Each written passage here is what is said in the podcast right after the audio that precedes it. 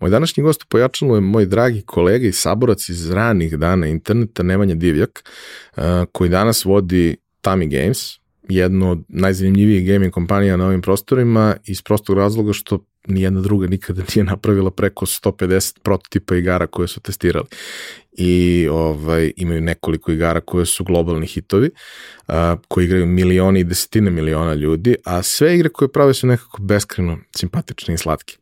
A, pričali smo o tome kako je tekao njegov lični razvoj kroz 20 i kusur godina karijere a, i kako je došao do toga da sa prijateljima formira studio za izradu hyper casual igara. To su sve one igre koje često srećete kroz reklame na Instagramu, YouTubeu i slično, čiji mehanizam je jako jednostavan, oni izgledaju veoma, veoma jednostavno i jasno. Vi u roku od sekundu, dve, tri znate tačno kako igra funkcioniše da li vam je interesantno da probate da ih igrate. Oni su u tu priču usli pre nekih šest godina i sada se priča jako lepo razvija. Krenuli su sa, sa studijom sa, sa četvoro ljudi, sada ih ima 27, a od nedavno imaju i uh, akademiju u kojoj 20 polaznika uči kako da pravi tu vrstu igara i uh, cela priča oko Tami Gamesa i njihove saradnje i sa Voodooom i sa ostalim publisherima, između ostalog sa kompanijom Apple, je beskreno inspirativna i interesantna i došla je samo kao posledica 20 godina rada.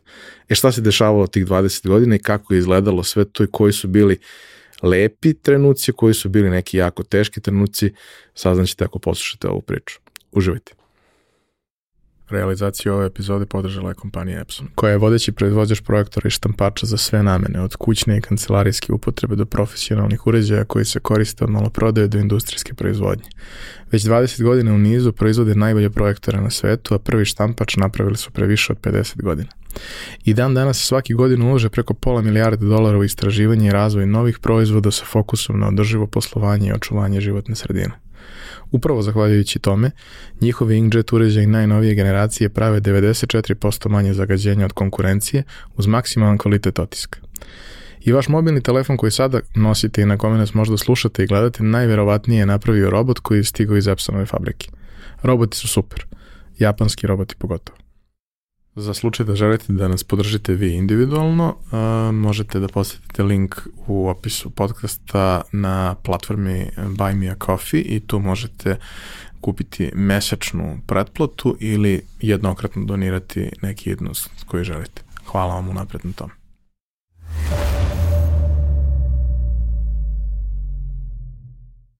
Nemanja, dobrodošao. Mnogo mi je drago što si ovde, jer već jako dugo stojiš na spisku ljudi koji, koji treba da dođu u pojačalo, zato što je tvoja priča nesvakidašnja iz industrije koja je svima negde nama jako interesantna, jer smo u periodu odrastanja u nekom trenutku verovatno svi želeli da se bavimo time, ali ili se nije poklopilo, ili se nismo odvažili, malo su i okolnosti bile drugačije, tek ti si u tome danas jako uspešan, radiš neke veoma neobične uh, stvari za, za ovo naše tržište, pričat ćemo dosta o tome, ali tebe pitam kao i sve svoje goste na samom početku. Šta ste budeš kad porasteš? To je mančmelo pitanje. to je ono uh, vrlo interesantno što sam negde čitao, kaže uh, hteo sam da budem bogat, ovaj. uh, ali uh, iskreno mislim da sam inicijalno želao da budem pilot, kad sam bio klinac, to doma sam maštao, ali onda kad sam video računare u nekom momentu, tad sam već znao da ću se baviti računarima i može se reći da već tamo uh, do 99. Uh, znao sam da želim da se bavim igranjem video igrica profesionalno, to je bio jedan onako u tom momentu Mach, Quake, Counter kad smo igrali, a, i u tom nekom periodu sam jednostavno znao da želim da se bavim poslovanjem nekim preko interneta ono, da pravim servis online, da nešto se ljudi koriste, tako da a, kao klinac, pilot, kad sam došao u nekih 16 do 18 godina, tu sam već vidio da idem u neku, neke vode preduzetništva i a, u to, tom smeru sam eto, najzad i otišao. Ovaj, probao sam da budem konobar 7 dana, shvatio sam da to nije za mene. A, mislim da sam u a, 17. godini radio 7 dana u kafiću, posuđao se sa gazdom i rekao ja više ovo ne mogu a, i od onda, eto, igram slučaja nikad više nisam mogao da prihvatim da radim za nekoga, a, ali sam takođe i shvatio da ne želim da budem takav čovjek kao što je on bio i mislim da sam eto danas uspeo da ljudi s kojima sarađujem a, imaju taj osjećaj nekog normalnog a, poslovanja kako u stvari može da se radi, ali šta mislim da se u Srbiji mada i globalno generalno ne primenjuje baš toliko. Um, taj neki period odrastanja ono, karakterišu sve te neke stvari koje nas kasnije ovaj, karakterišu kao odrasle ljude, taj, te formativne godine su negde ono što uh, gde male stvari koje se dese, male ideje koje neko usadi u nas, mali, mali slučajevi koji se sa kojima se sretnemo mogu da naprave velike promene kroz, kroz vreme jer nam pokažu da je nešto moguće, pokažu nam da iako ti svi govore da nečim možda ne možeš da se baviš, ima primer koji ti kaže da Absolutno možeš, pa onda, pa onda kreneš na tu stranu, pokažu ti neki ljudi neki zanimljiv aspekt nečega što ti je do tog trenutka bilo dosadno i nezanimljivo. Znaš, ja, ja to često koristim kao primer, ja sam u mašinskoj srednjoj školi gde smo ovaj, išli na robotiku zavolao pisanje.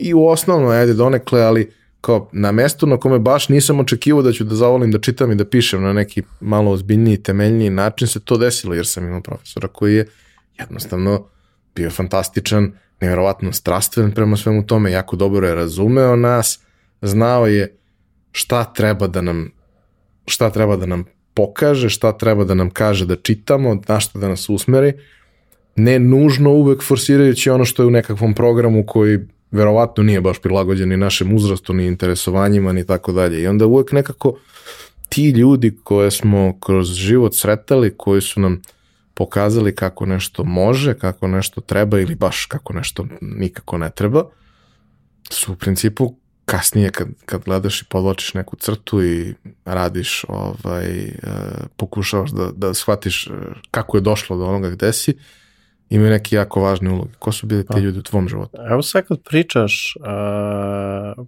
pored, ajde recimo film Hacker, koji me ono, sa Angelina Jolie, svi smo bili ono kao bit ćemo hakeri, a bilo je što se kaže uh, onako ljudi iz gaming industrije što su igrali video igre, recimo Fatality koji je uspeo da napravi ogroman biznis, onda je bio uh, kako se zove prva uh, Kveka 1 pa je napravio chat ne mogu sad da se setim da li je Denis Fong ili tako ne, nešto, znači on je pokazao već u to rano vremenu da može nešto se desi, ali evo upravo sad kad ti govoriš, a, meni je 2003. najzanimljiviji predmet, predmet na fakultetu bio management.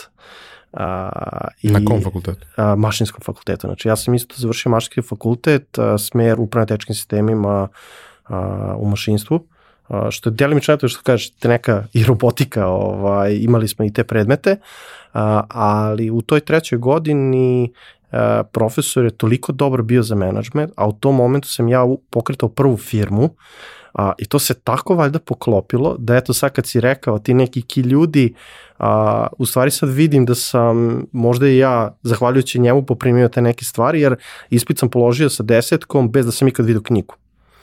Ovaj, znači, bilo mi je dovoljno samo što sam slušao profesora i u stvari, eto, to je bio taj možda moment, neki ukidač da me neko povukao, ali mislim da je a, najvažnija osoba u mom životu koja me usmerila kad to možda nekom preduzetničkom duhu jeste deda. A, deda je bio kamenorezac, privatnik, ali je od malih dana, u stvari kad smo mi bili mali, davao nam je da odemo da mu kupimo novine, namirnice u prodavnici, na pijaci i sve i uvijek nam je davao procenat para šta ostane od kusura. A, onda kasnije sam mu pomagao da, pošto je bio kamenorezac, išao sa njim na groblje, pomagao, nosio sam mu sradi izgravo šegrta, a, i kasnije kad su došle već ona pisanja slova sa mašinama, a, tu sam mu pomagao da slažem i sve. Tako da on me je naučio u stvari ako nešto uradiš dobit ćeš nešto. Va, valjda je i to ta, ta neka prekretnica bila jer je on konstantno uspevao što se kaže da, nas, da me natera da želim da odradim nešto da bi dobio nešto i valjda to usedi, valjda taj, taj neki mindset, a, ali život te isto takođe natera, a majka, pošto je bila samohrana, a, naravno sa platom koju ona imala, moja a, pubertetsko doba nije, nije imalo ovaj, a, prosperiteta, nikako ni ambicija i jednostavno i ona je rekla, sine, ja nemam ti da moraš da se snađeš. a, I to je to. Znači, od tog momenta, već negde od 16. godine sam ja krenuo da radim sve i svašta. A, a kako si uopšte učio ono što, što te je zanimalo? Mislim, u tom periodu već lagano počinju stvari da budu dostupne, ali one su mnogo manje dostupne nego što su danas. Mnogo je bilo teže doći do bilo kakvog znanja, bilo kakve informacije, vrlo često nisi imao nikoga da pitaš u svom okruženju ili to bude osoba koja baš i nije u tvom okruženju, nego je negde ko zna gde, ali imaš možda neki kontakt pa, kako možeš ne, da dođeš? Znaš kako, a, ja dolazim iz backgrounda onih 99-ih, 2000-ih kad se pojavio internet u Srbiji, da se to okupila neka ekipa koja je uvijek razmišljala o hakovanju. A, I valjda se tu stvorila ta neka ekipa gde se razmenjivalo kako da upotniš u tuđi kompjuter, ka, kako da instaliraš trojance, ka, ka backdoor, a, Cult of Dead Cow koji je postojao, Alta Vista, tako neke stvari, Mirc. I tu su se razmenjivalo neke ideje a, i naravno ono, torrentovanje kad se pojavila, mislim da je bila Linda, .com na kome su mm. počeli da se pojavljuju kursevi. A, lično nisam nikad išao na kurseve, ni, ni za šta, a, vezano za programiranje, a, marketing, bilo šta, sve je isključivo online učeno. A, tražio sam gde god sam mogu da nađem resurse online, čitao blogove, mada u tom vreme nisu ne bili blogovi, bili su forumi a, aktuelni u tom periodu početnog učenja.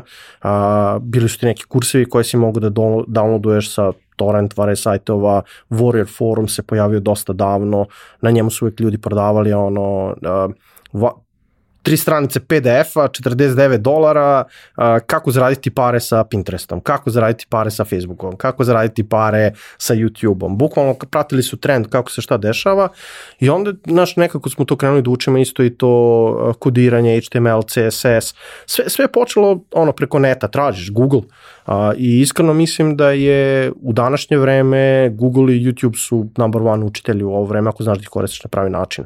A, tako da danas je drastično lakše doći do a, informacija a, i naučiti nešto, ali definitivno smo tražili svaki mogući način i razmenjivali šta ko ima. Danas je mnogo lakše naučiti, jer danas ima i mnogo više stvari, pa moraš malo preciznije i bolje da biraš. Znaš, pre si upio sve što ima, jer to je bilo to. Slažem se. A sad ga ima previše, baš, baš previše. Ovaj, rekao si da si radio svašta u tom nekom periodu. Šta je to bilo, na primjer? A, radio sam, što se kaže, ono, od nameštanja kompjutera, a, do ne znam, instaliranja operativnih sistema.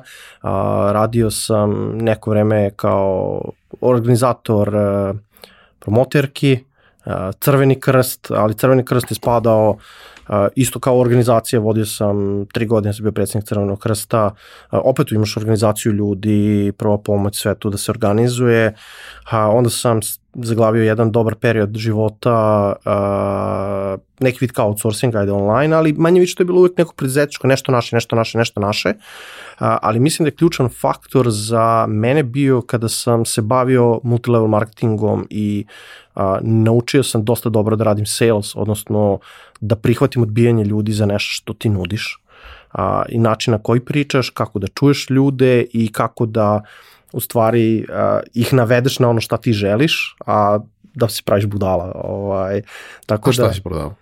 Nećemo u ovom momentu.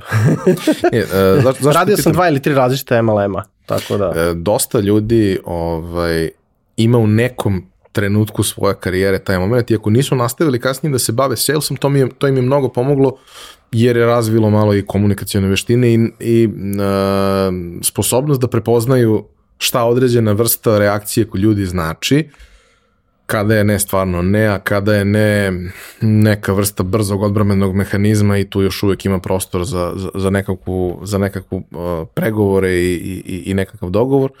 Uh, I nedavno baš sam imao situaciju da mi, ono, pozove me osoba telefonom kao što svaku zvoni telefon bar jednom, dva put nedeljno sa nečem što apsolutno ne želi, ali ta osoba telefonom je bila toliko toliko dobro uradila svoj posao, sam ja rekao dobro, dođite, uradite promociju. Ne, mi to, ako vi skupite porodicu, to se nemam rekao porodicu, ali ako mi je okej okay da budem ja jedan, nema, nema problema, dođite, uradite promociju, saslušat ću.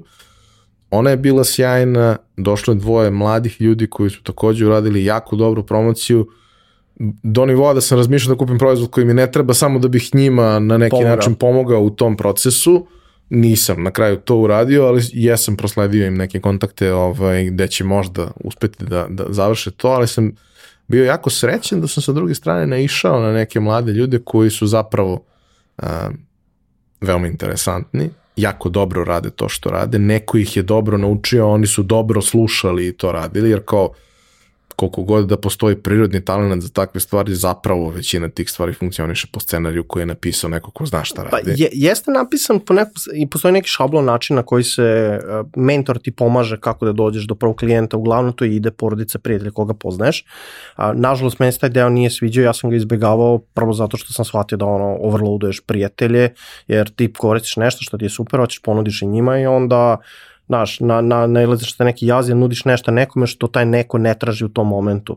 A, ali je dobra lekcija zato što sam imao prilike da pričam sa potpunim neznancima gde mi ono, baš me briga da li hoće ili neće. Znaš, ti uzmeš, probaš, pričaš, pričaš, pričaš, neko hoće, neko neće. A, ali to odbijanje je možda najbitnija stavka. Znači, a, jeste super se osjećaš kada prodaš nešto, očajno se osjećaš kad ne prodaš, pogotovo kad ti treba para, a, ali to odbijanje te u stvari nauči, ok, idem sledeći, idem sledeći, idem sledeći i na taj način nekako uspevaš da izgradiš, što se kaže, tu neku barijeru oko sebe, da lakše prihvatiš te stvari, a, da nemaš, što se kaže, ono, stage frightening, da ne smeš da izađeš da pričaš pred ljudima a, i a, iskreno, mislim da kogod hoće se bavi preduzetništvom bi morao da radi bar godinu ili dve godine neki multilevel marketing. A, jer toliko informacija tu može da dobiješ, to su ljudi koji 30, 40, 50, 60 godina a, rade i ti imaš pristup a, a, da čuješ te ljude bar kroz neki video content koji nećeš čuti ako nisi u tome, naravno. A, ali e, te veštine koje dobiješ ni ne znaš da u stvari posle mogu da ti koriste. Recimo, ja sam najviše te komunikacije imao, a, najveću korist od te komunikacije imao kasnije sa investitorima. No, pregovorim. Da, jer sam uspeo da naučim kako da pričam, ali opet a, a, i pored toga, zahvaljujući svi tim divnim ljudima koji su verovali u stvari koje smo mi njima prezentovali i imali tu i natezanje, nije to sve uvijek išlo idealno a, i hvala svima njima, ali i od njih opet naučiš. Jer ti ako ne sedneš sa nekim ko ima kapital a, i gde ti u stvari tražiš od njega, prodaješ mu procenat firme ili nešto, dok ne osetiš taj neki način kako ljudi koji imaju para pregovaraju i sve, sve ti je samo teorija. Znaš, a, velika razlika da li ti pokušaš da uzmeš nekome veći novac ili pregovaraš s nekim ko treba plati 2, 3, 4 hiljade, 5 hiljada dinara neki proizvod ili 100 eura, nije bitno. A, tako da znači jer znaš kako da se postaviš, kako, znaš, naučiš i kad treba da ćutiš, znaš, treba da čekaš odgovor od druge strane, znaš, imaš konkretno pitanje, dobro, a, koja, koji ukus ili koja boja ili, razumeš me, i nema ti tu šta više da pričaš, samo Znaš, ono, moraš da čekaš da ti sad odgovoriš da znaš, ono, stavljaš čovjeka u tu situaciju da neće kaže neću, jer si ga već pitao koja je boja. Znaš, ne znam, lupam jastuk. Znaš, hoćeš plavi ili zeleni? I ti sad ono kao, okay, dobro. Znaš, kako sad kažem, neću ni jedan. Znaš, sad si već u fazonu. Ljudima je neprijatno. Da, pa vice, jeste. A, na, nažalost, a, prodaje jeste dovođenje osobe u tu neprijatno stanje gde nema izlaza. Mislim, naravno, neki će reći, ma ne interesuje me. Ali opet, a, procenat im, a, prodaje se raste sa tim pitanjem. I to je da, da. činjenica. Mislim, e, ja sticajem okolnosti često imam prilike da pričam sa ljudima koji se bave prodajem, iako se ja nikada njom nisam bavio direktno i ne želim, i, ali, znaš, ono, ima tu jako zanimljivih inseta koje pokupiš i sve i onda imaš te neke nove ono, nove mlade snage koje su došle, neki su zagriženi, kidaju, slušaju sve, probaju, ulupaju se, probaju opet, kroz vreme dođu do nekog svog modaliteta koji radi, koji jeste baziran na onome, ali je na njihov način. I to je to. Imaš one koji kao, znaš, prvi put kad ne uspe, drugi put kad ne uspe, on naravno digne ruke i sve i onda krene priča o tome kako proizvod ne valja, kako nešto nije okej, okay, kao imaš sedam ljudi koji rade perfektno sa tim proizvodom i vas trojicu koji tvrdite da proizvod ne valja. Kako njima valja, a vama ne valja. Pa ne, znaš, ali ja neću da radim to što... Ok, ti ne moraš to da radiš. Ima toliko drugih poslova koje možeš pa da, da radiš. Ali je Ako to... želiš da radiš taj posao, to je deo tog posla. To ti je ono pitanje, prodaj mi loš pro, koji se loš proizvod dobro prodaje? Coca-Cola. Svi znaju da je nezdrav, svi, svi ga ne žele, a onda uvijek u nekom momentu ga poželiš. A, tako da nije, nije stvar proizvoda. Imaš dobre proizvode koje niko neće kupi. Ne, imaš Ali... i taj moment kao, meni bi mnogo lakše bilo kada bi to bio uh, proizvod koji uh, ljudi sami traže da kupe i onda im ja prodam. Pa onda im ti ne prodaš ništa, onda im ti isporučiš. U tom online. slučaju ne treba ti prodavac, da. u tom slučaju ti treba kurir. U današnjem vremenu otvoriš online prodavnicu i radi posao. Ali i na njoj moraš da uradiš skoro sve to što bi uradio na sastanku da bi ubedio neko. Znaš što mislim da je razlika? Da ljudi uh, online u poslednje dve godine drastično skočila online prodaja, šta ljudi prodaju sve i svašta, a, ali je e, činjenica da nemaju preveliku komunikaciju sa klijentom. A nekako bukvalno dolazi targetovan lead, pustiš adove na Instagram, Facebook, YouTube, gde već, čovjek vidi, klikne, dođe na store, a, pošalje ti ono poruku na Whatsapp ili a, uradi ono submit formu, stigne ti na Whatsapp, krene komunikacije, ili na Instagramu vidi nešto što ti prodaješ, pošalje ono private message, ti u tri poruke šta hoćeš, to, to, to, to, pa send, a, zna, znam kako mi poručujemo, kako moja žena poručuje, a, ona sve ona na Instagramu što naleti reši da kupi. A, tako da, bukvalno, kompletna prodaja ide samo na Instagramu. A, I nemaju tu prodavci ništa da urade. Znači, otišli su u taj biznis u kom nema potrebe. Dobro, imaš taj kao CRM moment koji, koji da, da, da, da se baviš, ali nemaš taj klasičan sales, nemaš. pregovore, ubeđivanje i sve ostalo. Nemaš i može Osim i bez za neki toga. proizvod. Da, Osim za, za neki proizvod. Zavisi kako se šta prodaje, ali svaki proizvod se može ipak prodavati preko interneta. A, oni su mogli, ne znam, evo, klub primjer možda Kirby, usisivač, a, ne moraju oni dođu da ti usisaju. Moraju oni da imaju snimak, da ti kad dođeš pogledaš snimak, video content online, sve, poruči, klikneš dugme, već zna da je 99% gotov lead. Ide kod čovjeka koji je zainteresovan za taj proizvod. Zašto ga je video online? Ne mora da obiđe 20 kuća i 20 kauča ili tepiha da usisa da bi napravio prodaju. Znači, opet to su uh, tipovi prodajnih kanala. Ali činjenica je da uh, konkretno jedan na jedan sa čovjekom kad sediš pričaš da li tu možeš da mu prodaš uh, ono proizvod, da li možda nađeš tu potrebu. Ima što ovaj Jordan Belford u Wolf of Wall Street najbolje radi ono uh, sell me this pen, razumeš, ono kao potpiši, znaš. A, a opet ono sad je došlo kao it's an NFT, razumeš, da. tako da it's a desire, ili je desire ili need. Uh, tako da mora da se to pronađe, ali uh, trebalo bi svi koji uđu u preduzetništvo da koliko toliko razumeju sales i da mogu da ga primene. A kako je u tvom slučaju izgledao taj, taj proces ovaj, od nekog ko je radnik, zaposleni, neko ko se bavi nekim poslom, da se prebaciš na preduzetništvo. To je bio proces koji je podrazumevao da u jednom periodu radiš nešto u paraleli, više stvari i tako dalje, ali kad si ono, kad si rekao ok, ono, sad ću da budem 100% to i ne pa, mogu ništa drugo. Gledaj, ja sam postao preduzetnik odma. Znači, ja sam prvo bio preduzetnik, ja sam odmah pokrenuo svoje online stvari. A, prvo bilo je, što sam rekao, igrali smo video igrice za pare, a, to je opet neki vid svog tvojeg preduzetništva, imaš turnir, prijavi se, odeš. A, posle toga smo krenuli da radimo online, pravili smo sajtove. A, tako da imali smo online, različite online servise, tako da je opet bila ista varijanta, sve si bio svoj gazda, bio si dužan da dođeš do ideje, šta hoćeš da napraviš, da napraviš, nema tu da nisi imao para da platiš nekoga. Moraš da sedneš da naučiš kako da napraviš sajt, CSS, HTML, šta god, JavaScript, Android, iOS, Unity, nije bitno. Sve sam bio u fazonu, moraš sam da naučiš i išao sam u tom smeru da nađem to rešenje. A, Mm, što se tiče salesa, on je došao u vremenu kada sam ja već uh, 8-9 godina bio u, preduzetničkim vodama. Tako da nije, nije bilo da se bavio, ja sam ga u paraleli radio uh, sa firmom koja je u to vreme dobro poslovala. Tako da sam ja imao dosta dobar revenue sa jedne strane i mogao sam da odvojam deo slobodnog vremena za ovo. A šta ti je bilo motivacija? Da a, naučiš ili? Pa ne znam, ja sam video tu neki potencijal jako velik. A, I taj potencijal sam video, to sad ima više skoro 10 godina. A, I interesantno je da ljudi a, koji su bili tu oko mene, odnosno koji su u to isto vreme ušli, a, pričamo o Herbalife, ajde, svi znaju već, ali nisam više reprezent, nekad sam bio mršavi, sad sam ono, malo puniji, ali nema veze. A, disclaimer i dalje koristim proizvode 20 godina, 15 godina kasnije, zašto ih volim, I, ali nikome ne nudim više, ali a, ta neka ekipa ljudi koja je bila u to vreme a, 2011. 12. ja mislim, to je sad već 10 godina, a velik broj njih su u poslednjih par meseci dostigli uh, milionar tim nivoe. To je red radi 15 do 25 hiljada evra mesečno zarađuju.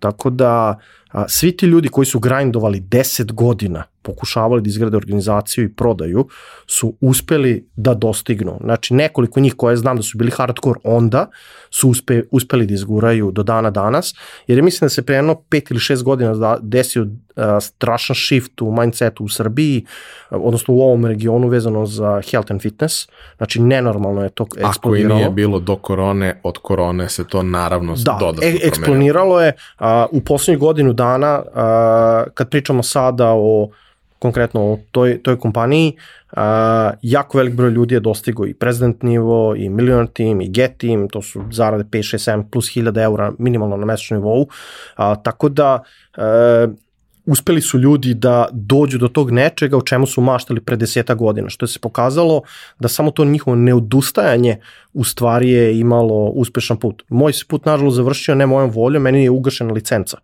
Ja sam imao izuzetno brzo rastući uh, ovaj tim i sve, imao sam 150 i nešto ljudi već u downline-u, krenula Amerika da se širi i samo su mi ugasili licencu i to je jedan razlog kad sam rekao ne, neću više nikad dozvoliti jednu stvar da radim, na to temu smo pričali, a, ali point u tome da nisam ja bio taj koji kontroliše sve. A, znači, neko ima mogućnost da jednim klikom da meni oduzme sve što sam ja napravio. A, ali generalno preduzetništvo mi je bukvalno u krvi od uvek. Ne znam, ja se osjećam dobro kada pravim neke proizvode i ti neki moji golovi su izuzetno visoki, a, ali nije u pitanju više novac, znači nije moj driver novac, moj driver je da postignem nešto, jeste novac je target, ali ne zato što meni treba još nešto, nek zato što jednostavno želim sebi da dokažem, a valjda to vuče ono iz detinjstva traume kad su ti svi vikali da nešto ne možeš, a, isto ma majka, ono, kad smo pokušavali da je objasnimo, mama, mi ćemo živjeti od interneta, radit ćemo planeta, ne može sine, nisi normalan, nidi zaposli se, nađi dobar posao i sve, znaš, i onda je jako teško da objasniš mami da je moguće. I ono kad su stigli prvi čekovi, ne znam, 100 dolara, 200 dolara. Znaš je to bio novac za mene pre 15 godina, 20 godina sad skoro već. To je bio ogroman novac, tamo 17-18 godina kad su prvi, prvi čekovi krenuli da stižu, 99. 2000. 22 godine čoveče prošlo. Znaš, uh, i to, to, to je bilo tako fenomenalno, znaš, kad si ti prvi put primetio da može da dođe neki kapital iz inostranstva, da ti legne na račun i da ti dobiješ taj neki novac, uh, i to je valjda dalo ono neku sigurnost i onda sam počeo da viđam online kako neke stvari kreću, a, tu smo radili sve i svašta, dok eto recimo nismo napravili prvi servis YouShareIt, a, koji je ono eskalirao i postao jedna od najvećih kompanija u svetu vezano za file sharing, a, ja sam tu exitovao negde 2007. smo izašli, 2011. ih je stigla divna sudbina FBI-a, ali to je sad već druga tematika. Hvala Bogu, ja nisam bio u, konkretno uključen u celu firmu već od 2005. Tako da kasnije šta se dešavalo, ali 2007. smo izašli iz te priče, ali a, tad sam prvi put osetio šta znači, a, što se kaže, parabola rast. Mi smo toliko brzo rasli da nismo mogli finansijski da platimo servere. Znači svaki drugi dan su nam trebali serveri kada smo pozavljamo pare od cele rodbine, od svih, samo da upumpavamo, a sistem ono investitora, fundinga, apsolutno nije postojao. Da, još uvek je to bilo prerano i još uvek je infrastruktura bila neuporedivo skuplje i teže dostupna nego danas. I nefunkcionalna, znači server je imao tipa 20 gigabajta. A, mi smo dozvoljavali fajlove valjda do 50 megabajta da storuješ i to su se tako brzo punili ti serveri da to nije bilo normalno, pa onda krenu da otkazuju i sve. Znači, a, pojent u tome da smo imali a, sreću u nesreći, odnosno nesreću u sreći kako god, a, puno stvari sam pokrenuo pre vremena. A, ka, zato što sam pratio šta će da se desi, a, pokretali smo stvari za koje tržište a, nije bilo još spremno. A, recimo taj uh, UShared kad smo pokrenuli infrastruktura nije bila spremna. Danas postoje kompanije kao što su Dropbox, G-Drive i sve, mi smo mogli da razvijemo to. Apsolutno da imamo ono multibilionske kompanije, ali nažalost počeli smo prerano A oni su videli šta mi radimo, pa su promenili u smeru, ajmo da pravimo biznis verzije, Dropbox, recimo. Da, da, mislim, Znaš. ajde kažemo to što ste vi radili, ko se seća toga ko je bio dovoljno aktivan u tom periodu pre 15 godina, to je posle ono, bio 17 rapid godina. share, to je bio 18 mega godina. upload i slično, 18 godina je to. koji su tad, ono, 2006. 7. 8. bili u top 50 najpozicionijih sajtova Da, na da, svetu, danas ne postoje kao takvi. Da, Megaupload je Uopšte. bio treći sajt na svetu. Top 3, to, e, bio je treći sajt na svetu po broju posjećenosti. Jednostavno ima si tu celu situaciju da uh, infrastruktura to ne podržava na način da ti u mailu ne možeš da pošalješ nikome nešto što je veće od par megabajta, a imaš potrebu da pošalješ da li Ali je i dan danas ti ne dozvoljava. Čak, čak ni Gmail ne dozvoljava, može da tečeš u G Drive. Da, ali znaš, ono, na- napravljeno je među rešenje, plus većina mail provajdera ti je makar omogućila da to 20 megabajta pošalješ nekome, 25, Da, možda ne više od toga, Slika ali, na iPhone ima 17-18 MB. ali nekako to, znaš, kao nekako funkcioniš. Tada je to bilo kao za većinu, sećam se, mislim, ko je juče, za većinu mail provajdera maksimalna veličina attachmenta je bila megabajt. Ma da, da. I kao, mogu Word da Ne, pošaljem nekome u najboljem slučaju ako nema slike. Ja kad pogledam današnju industriju, recimo Viber, Whatsapp, te dozvoljavaju da pošalješ sliku ili video, ali ljudi ne razumeju da to nije moglo nekada. Razume? Ljudi ne razumeju da si smiley mogu da pošalješ jedan od onih predefinisanih koji postoji i to je to je onda kad je MSN pustio da možeš da napraviš svoje smileye, sve je otišlo dođevo. Pa. Mislim, jer ljudi nemaju ukusa, to sad Pa ne, st- stvar je u tome da e, bili smo tu na početku cele ove revolucije interneta i svega, od početka od onih modema i tvoj servis isto što si ti imao, tako da v, ti si 85, ali tako? Znači u isto vreme smo se bavili istim stvarima, a dobra stvar je što a, lično mogu da kažem da znam nekoliko ljudi koji su napravili ozbiljne biznise a, zahvaljujući što su bili u to vreme. A, I vrlo, a, vrlo, stvari velik broj njih je bio u vrlo sličnoj situaciji, evo govorim konkretno o Zrenjanincima. Iz Renjanina je niklo 5-6 ozbiljnih biznisa za koje ni ne znaju svi ljudi a, i to su ono multimilijonski biznisi a, od momaka koji su bili sirotinja, kao i ja. Znaš, ono, nismo imali ništa i jedini način da se izboriš, da izađeš iz toga je, imao si jedinu opciju da budeš konobar u Zrenjaninu. Ništa drugo ti nije bilo Što baš i dostupno. ne zvuči kao nešto pretarano Pa, zanimljivo. da, ni, nisi mogu biti ni komercijala, ni, ni toga bilo, ali poenta u tome da jednostavno shvatili smo, ok, volimo kompjutere, ajde krenemo da radimo, svako uzu svoj neki path uh, i napravili smo šta smo napravili i dalje Znam da postoji nekoliko kompanija koje su i dalje aktivne i dalje u njihovim vlasništvima, a recimo znamo svi za a, Igora što je prodao ovaj a, S Gamblers, Ja, da. a, i on je isto dečko zrenjinac s kojim sam eto igrom slučaja ja i razmenjivao i znanje u isto vreme z- do, išli smo jedno kod drugog kući razumeš a, ja sam njemu nosio neki kontent on meni razmenjivali filmove edukacije a sećam se kada je krenuo da radi a, prve sajtove ne znam tipa mislim da je radio za koloniju da te ne slažem Jeste, jeste, samo što jeste. recimo on je dečko imao a, tog šlihta da nije bio on u fazonu kao mi sirotinja, kao radit ću ti sajt za 50 maraka, mislim da su bile marke u to vreme. On je odmah u startu bio a, 500, 600, 700 maraka sajt. Znaš, izuzetno lepo, imao je dara za Estetiku grafiku, jako, da, da. estetiku, i on je u startu odmah se, krenuo sebe da naplaćuje više. A, ja poštujem svaka čast i dečko je stvarno uspeo da napravi ozbiljnu, ozbiljnu stvar i da obezbedi svoj život i svoje deci i sve, a, ali kažem ti da svi, on, je, on živi jednu i po ulicu, ulicu od mene. A, isto još jedan dečko koji živi ulicu od mene napravi ozbiljan biznis. A, a, još jedan dečko koji živi 3-4 ulice od mene, a svi smo se družili.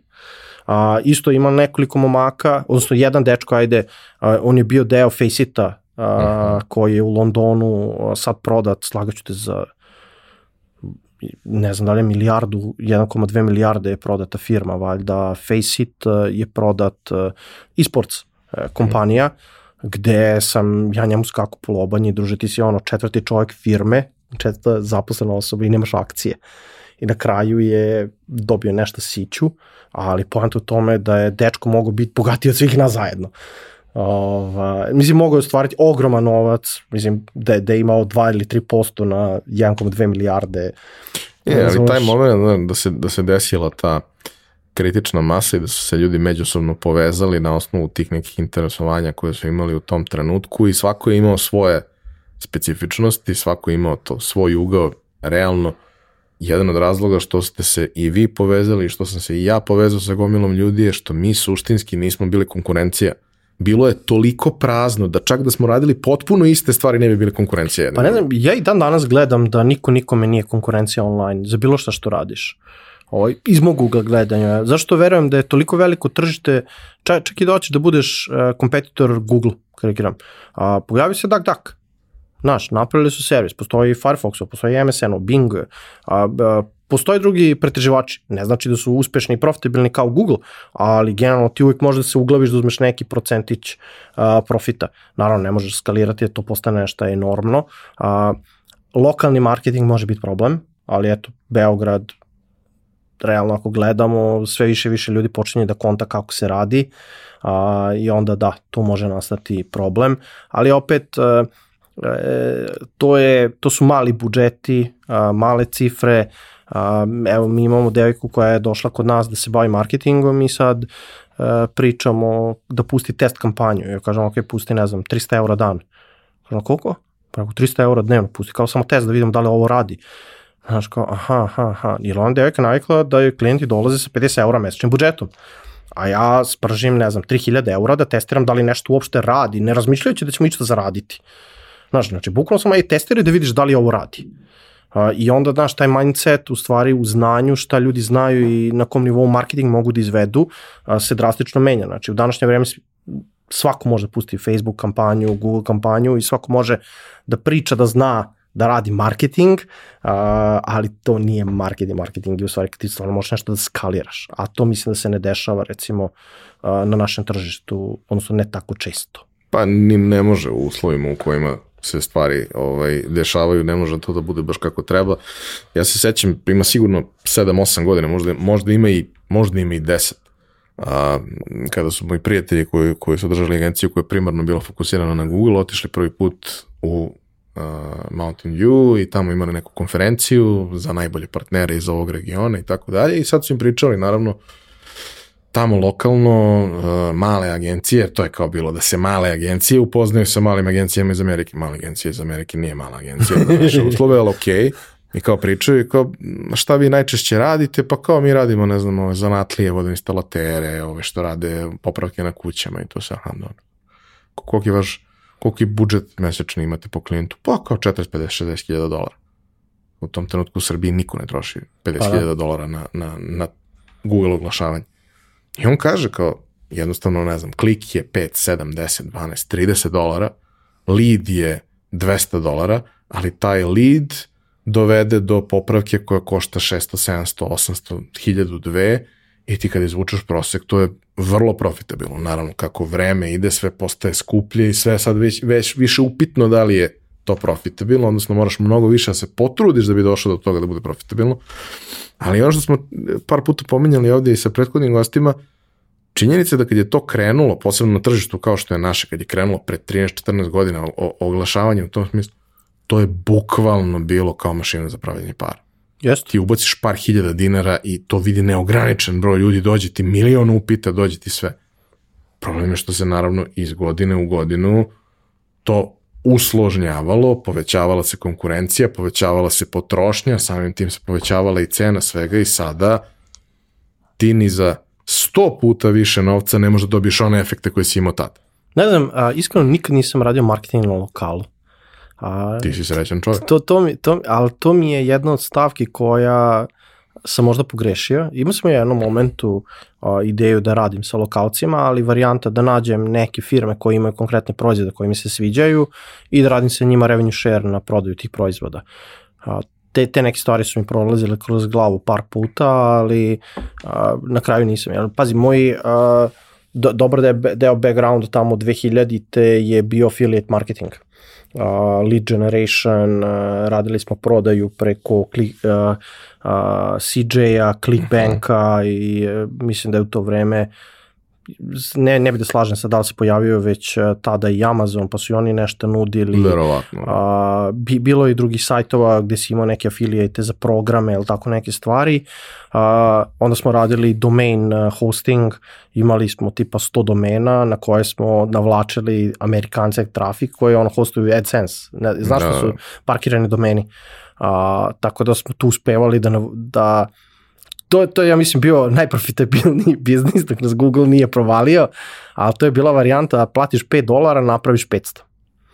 Ovaj, zašto platiš 5 dolara, mislim da se zvao a, Monkey Emails ili tako, ne, ne Donkey, Donkey Mails ili šta već. I to je bio sajt gde a, ti platiš 5 dolara a, i hiljadu ljudi dobije po par centi, a, ali treba da, ne znam, ajde, 5, 5 dolara platiš da ti, a, lupam, 100 Amerikanaca dođe na sajt i da kliknu, da urade ono što ti tražiš da urade. I ti platiš 5 dolara, dođe ti 100 Amerikanaca i 100 Amerikanaca uradi search, ne znam, cancer drug ili šta već i klikne na, na, re, na, rekla, na reklamu i ono tipa klik 30 dolara, razumeš? A, tako da to, to je bilo onako a, ozbiljna alhemija u to neko vreme i bilo je baš onako zanimljivo kad smo to radili. Nešto para smo tu izvukli, ali onda kasnije naravno su krenuli nas da čiste u fazonu, pa su krenuli da dižu, možda imaš 100 domena, naravno mi smo imali 100 domena, ali onda kasnije su već ne, krenuli. Ne, složnjava se i jednostavno u nekom trenutku više ne da, može da ispručiš. A pazi, a, evo da ti budem iskren, ja nezvanično smatram da sam kriv za jako velike izmene Google AdSense-a. ovaj, zbog stvari koje smo mi radili, ja, ja sam ti 100% ubeđen da je Google morao da menja politiku poslovanja i kako AdSense može i šta može i šta ne može. jer mi smo toliki trafik dovodili na Google da ja mislim da je Google bio u fazonu kao moramo nešto da menjamo. Uh, i, i činjenica da smo mi propratili kao i ti AdSense od početka uh, gde AdSense nekad si ono ljudi su i kliktali i sve pa smo imali banovane akaunte sa velikim količinama para. Uh, ono svi su pokušavali da naprave farme blogova tamo 2006 7 kad su se pojavili blogovi. Uh, tako da bilo je svega pokuša, pokušavali smo sve moguće načine nešto da napravimo I mogu ti reći, pa evo ako realno razmislim, mislim da sam radio jedno sto različitih stvari online i mislim da svih sto stvari su napravile nešto. U svakom znači, slučaju su te naučile nešto. Da, znači nijedna, nijedna stvar koju smo od tih stvari probali nije bila fail sve, su, sve napravilo pare. Možda 100 dolara, možda 1000 dolara, možda 10.000, ali sve napravilo nešto para, šta god da smo radili. Po, point u tome da smo ostali u tome ono hardcore, dan, noć, dan, noć, to bi se verovatno e, još ono ekspandovalo, ali eto, preduzetnički put mi je dao uvid u stvari kako stvari funkcionišu, da naučim jako puno stvari koje sam, eto, kad sam prešao 33. godinu, a, najzad uspeo što se kaže neko i da primenim i to ti je ono što i Gary Vee priča, do 30. godine, ne znam, radite za druge, naučite stvari, znaš, ne, nemoj da ulazite u taj uh, sistem gde ti vi hoćete od malena sve da napravite, znaš, kao klinac. Idi negde, nauči kako stvari funkcionišu, uh, pokupi znanje, budi plaćen. Plati školu.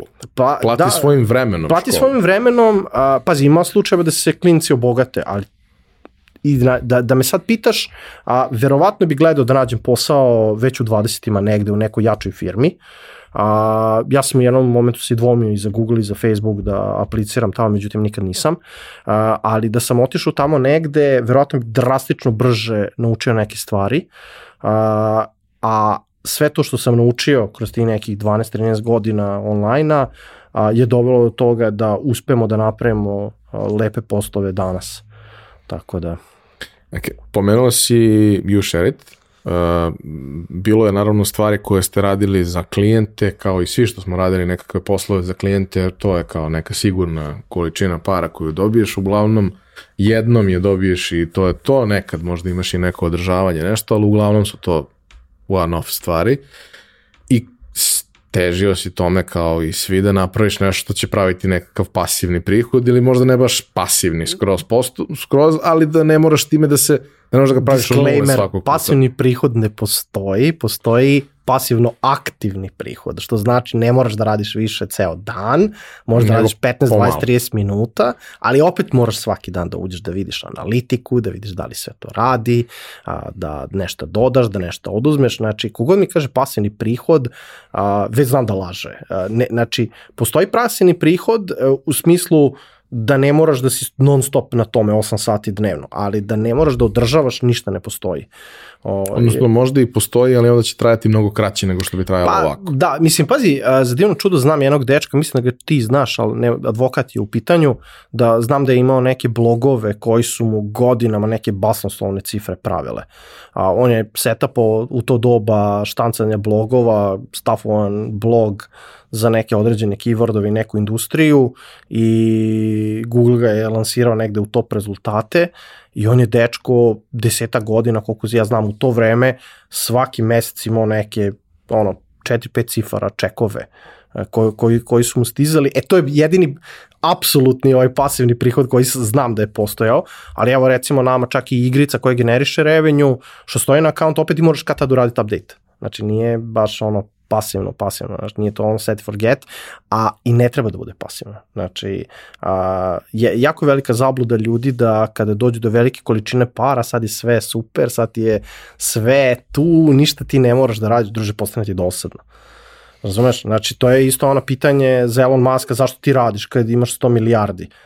Znaš, brate, mora da radi, on ne može da podnese da ne radi, razumeš? Znači, o tome se radi, ne, I, isto i kod njega i eto što i ja kažem, nije meni to do novca, meni je stvar do tog onog feelinga, razumeš, ne, ne znam, ne, da ono, narkomanski osjećaj, ne znam, neki vidno... po fiks. Da, i, i to je dopa, do, dopamin, dopaminski fiks, razumeš, mene to loži, mene to vuče da radim. Neko voli da gleda futbol, ja ne mogu podnesem futbol. Razumeš? Ja obožavam formulu, ja pratim sve o formuli, a ne pratim ništa drugo ni od jednog drugog sporta. Znaš, na, o, to, o tome se radi. Meni je ovo uh, interesantno. A zašto mi je formula interesantna? Pa zašto su vjerojatno možda veće pare u tome nego u futbolu? Razumeš? Uh, mislim, ra, razumeš, ali jednostavno meni ono nema smisla, ovo mi ima smisla. Uh, ra, različite stvari ljudi žele uh, uh, i različitim stvarima se bave, ali jednostavno uh, ono, kreneš, vučeš, guraš i idemo dalje. uh, koji su bili još interesantni projekti koje bi izdvojio da su, da su stvarno bili ili zanimljivi ili da su bili stvarno korisni, da su te ono formirali u, u celom tom procesu pre nego što si došao do ovoga što, što danas postoji? Pa, generalno gledano, mislim da je najveći deo mog preduzetničkog života otišao na projekat koji je zvao Flibi a, gde smo mi 2007. godine krenuli da pravimo servis koji je bio pandam YouTube-u, odnosno više je bio Instagram nego YouTube, e, što kaže prerano na pogrešan format. Mi smo bili eksplicitno fokusirani na web i nikad nismo otišli u mobile, a, ali eto e, na tom projektu sam proveo skoro 10 godina, 9, 10 godina, 11 godina, ne znam nija. 2007. smo krenuli da radimo, 2016 smo prestali. Koliko to? 9 godina. Tako da eto, tih 9 godina, a, to je projekat koji je inicijalno jako lepo krenuo, a, imali smo stvarno onako jednu veliku perspektivu, a, ali što se kaže i pored i novca i investitora i svega, a, nažalost tržište se promenulo, a, Google je u jednom momentu bukvalno blokirao naše rezultate, ono samo je rekao page 4, u fazonu i sad ne znam od uh, desetina miliona posta na mesečnom nivou ti padneš na hiljadu.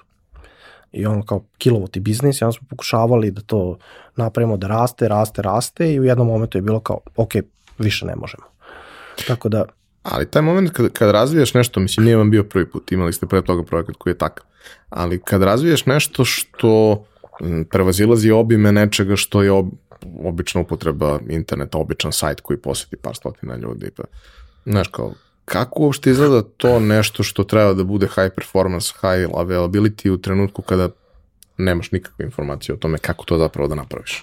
Pa, evo, generalno ako pogledamo, Flibi je imao sigurno preko milijardu ljudi koji su postali sajt. Tako da može se reći da uopšte nije bio mali sajt. A, ali kad smo krenuli, prvo smo mislili da će trebati puno infrastruktura, pa smo uzeli 3-4 servera, pripremili sve. Međutim, tad smo videli da jednostavno nismo uspeli odmah da krenemo da skaliramo i a, to je kasnije ono, malo smo smanjili i onda smo počeli da pratimo šta se dešava. I što kaže, to je neki vid skaliranja servera i infrastrukture, nije bio kao danas imaš Amazon pa klikneš deploy your server, mm. ti možeš da pozoveš nije ili mail da pošalješ. u klasičnom smislu. Da, nije bilo nikog clouda, pa si ti mora da nađeš ono S1, S2, S3, S4, S5, S6, S10, da nazoveš servere kako bi uopšte mogu da ih uvežeš, pa svaki server mora da bude za sebe, pa si pokušavao da napraviš neke backupe, ali to baš i nije tako dobro išlo, pa ti onda glavni server, razumeš na kome ti se nalazi 90% kontenta, a, greškom mu da resetuje komp, lik resetuje hard diskove, sve obriše. Imali smo ono, obriso nam je 90% kontenta jednim klikom, zvali, zvali smo ga Greg katastrof, pošto se Greg zvao, a, ali, znaš, ono, ipak nastavili smo da guramo uh, servis i tu smo gledali da dodajemo ono, jedan po jedan server kako je trebalo, jedan po jedan region, uh, ali mislim da je bilo to neka preteča cloud storage-a.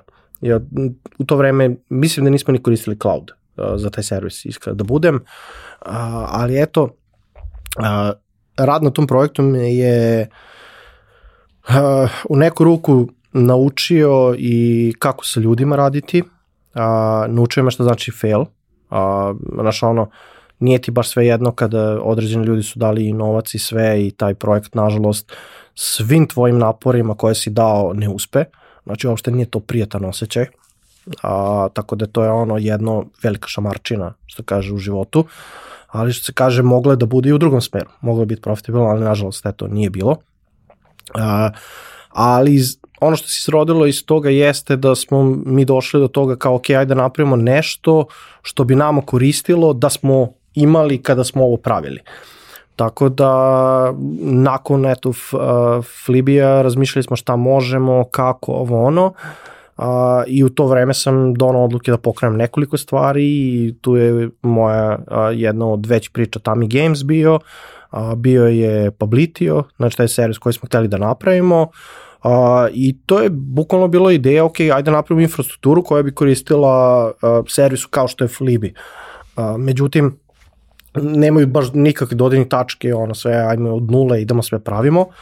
A, I bilo je opet isto dosta teško, znači doći do fundinga inicijalnog, tu smo išli preko inovativnog fonda, plus smo dobili ICT Hub uh, investment, uh, i to je trajalo dve godine dok mi nismo napravili, dok nije nešto krenulo da pravi, tako da bilo je onako dosta izazovno. A Tami Games ti u principu u tom trenutku, kažemo, prvi ozbiljni iskorak u gaming zbog koga je sve i počelo, mislim, zbog koga si se u principu i zaljubio u tu celu priču. A, šta je bila ideja sa, sa Tami Games? Pa, a, prva ideja oko pravljenja igara se pojavila još ono kad smo bili klinci. A, prva realizacija neka se desila neke 2013. godine kad smo brat i ja upoznali Vladu i Nikolu koji su moji suvlasnici u Tami Gamesu. A, igrom slučaja oni su radili a, nov dizajn sajta za Flibi. A, tako da eto, tu smo se u principu upoznali i oni su isto bili ono, fanatici za video igre, samo što su oni bili creative, ono, artisti, dok smo brat i ja u neku ruku bili developeri. A, I probali smo mi nešto 2013. da napravimo kao test, međutim oni su imali previše posla, pa su landovali neki posao za kineze, ovo ono, I tu se, eto, nažalost, ništa nije desilo, odnosno na sreću. A, I 2016. na 17. godinu a, ja se nalazim u situaciji da sam ostao bez ono i primanja i bilo čega. A, I tu se donose ono odluke šta ću da radim, kako i donosim odluku da pokrenem nekoliko stvari, a jedna od njih je ok, aj da krenem sada da probam da pravim igrice, ako ne budem sada, neću imat kada. A, stvari u tome sam ja već od 2012. bio dosta duboko zagrizo za Android development, a, tad sam već počeo da radim i Unity, Xcode, tako da tehnički sam naučio kako se prave aplikacije, ali nisam ulazio konkretno u našu game development. A, I tamo 2016. na 17. krećemo polako i bilo je ok, ajde, a, imamo svi stomačiće, pravimo prvu igru da budu neki pingvini, igra će se zvati Tami Slide, a, i kao ok, ajde krenemo da radimo i to je bilo varijanta part time. Znači, svi smo mi nešto radili, neki outsourcing, Publitio, da li sam radio outsourcing za neki kanadžane, da li sam radio neke internet projekte, da li sam prodavao kripto ili šta god. Poenta u tome da je to bila ideja i da probamo nešto polako da radimo usput, bez para, kad stigneš vikendom, naravno svi su morali da preživamo, oni su radio outsourcing njihov, ja sam radio na stvarima kojima su se mi bavili i tu smo uložili pa ono, skoro dve godine upravljanje prve igre koja je apsolutno failovala. O, ovaj, tako da tu smo ono, dobili neki šamar gde smo mislili da smo napravili super igru koja je imala gomile iteracija, A, probali smo sa publisherom, publisher je ono publishovo igru i isti dan dobio je promociju na feature na, a, na App Store-u na istog dana kad izašao iPhone 10 i taj isti dan je odmah skinut feature zato što igra nije bila kompatibilna sa novim screen size-om koji nije postojao do tog dana. A, tako da to je bio prvi onako težak udarac za nas, gde smo potrošili dve godine, naš četvorica, napravljene neke igre, a, koja generalno je samo bila tehnički ono never ending bottom pit. Kad preračunam, recimo smo radili za neke plate, to je red radi 40-50 hiljada dolara sigurno losa a, ko, koji smo imali. Znaš, ja mislim da je jedna od bitnih stvari koja je omogućila ljudima koji uh, su kao mi da dođu zapravo uopšte do toga da se bave u bilo kom obliku i bilo kom obimu gamingom, činjenica da se industrija drastično pojednostavila prelaskom na Unity. ostale ekrane. Ne, ne, i, i to da imaš alate posebno, priča za sebe. Ali taj moment kad kao, znaš, celo naše odrastanje ti si faktički imao samo AAA igrice koje treba ti tim od ko zna koliko desetina vrhunskih ljudi koji će posvećeno radi tri godine da bi napravio nešto. Tako je, PC konzole. Znaš, vremenom je to, počeli su da se pojavljuju alati koje pojednostavljuju mnogo toga u celom tom procesu, ono kad si dobio engine da ne moraš da se baviš bazičnom fizikom i svim ostalim stvarima koje tu dolazi da za gomilu stvari imaš gotova rešenja koja ti treba da primeniš, stilizuješ, napraviš mehanizme i tako dalje, ali imaš imaš infrastrukturu bazičnu pa, rešenu. Mislim da je gra, glavni uh, key point bio Unity engine. Sigurno, ali znaš, i Pored njemu telefona. prethodi i njemu prethodi Unreal i njemu prethodi svašta nešto što je za mnoge stvari bilo kao značajan iskorak, a onda dolazimo do toga da kao pojavljaju se pametni telefoni koji he, nisu baš pametni, ali u odnosu na ono Digitron koji si nosio su čudo, pa kreće od nekih malo lepo nacrtanih, ali suštinski vrlo bazičnih igrica, pa ide na kompleksnije, jer valjda nekako prirodno je bilo da kad vide potencijal ovi veliki studiji krenu da prave sve, jer hardware je već dovoljno moćan, krene da prave sve ono što je pravio na ovome, samo prilagođeno tom ekranu i onda i dalje postoji i takve igre. Da. Ali nekako mi se čini da je velika većina njih shvatila da ne, nema potrebe.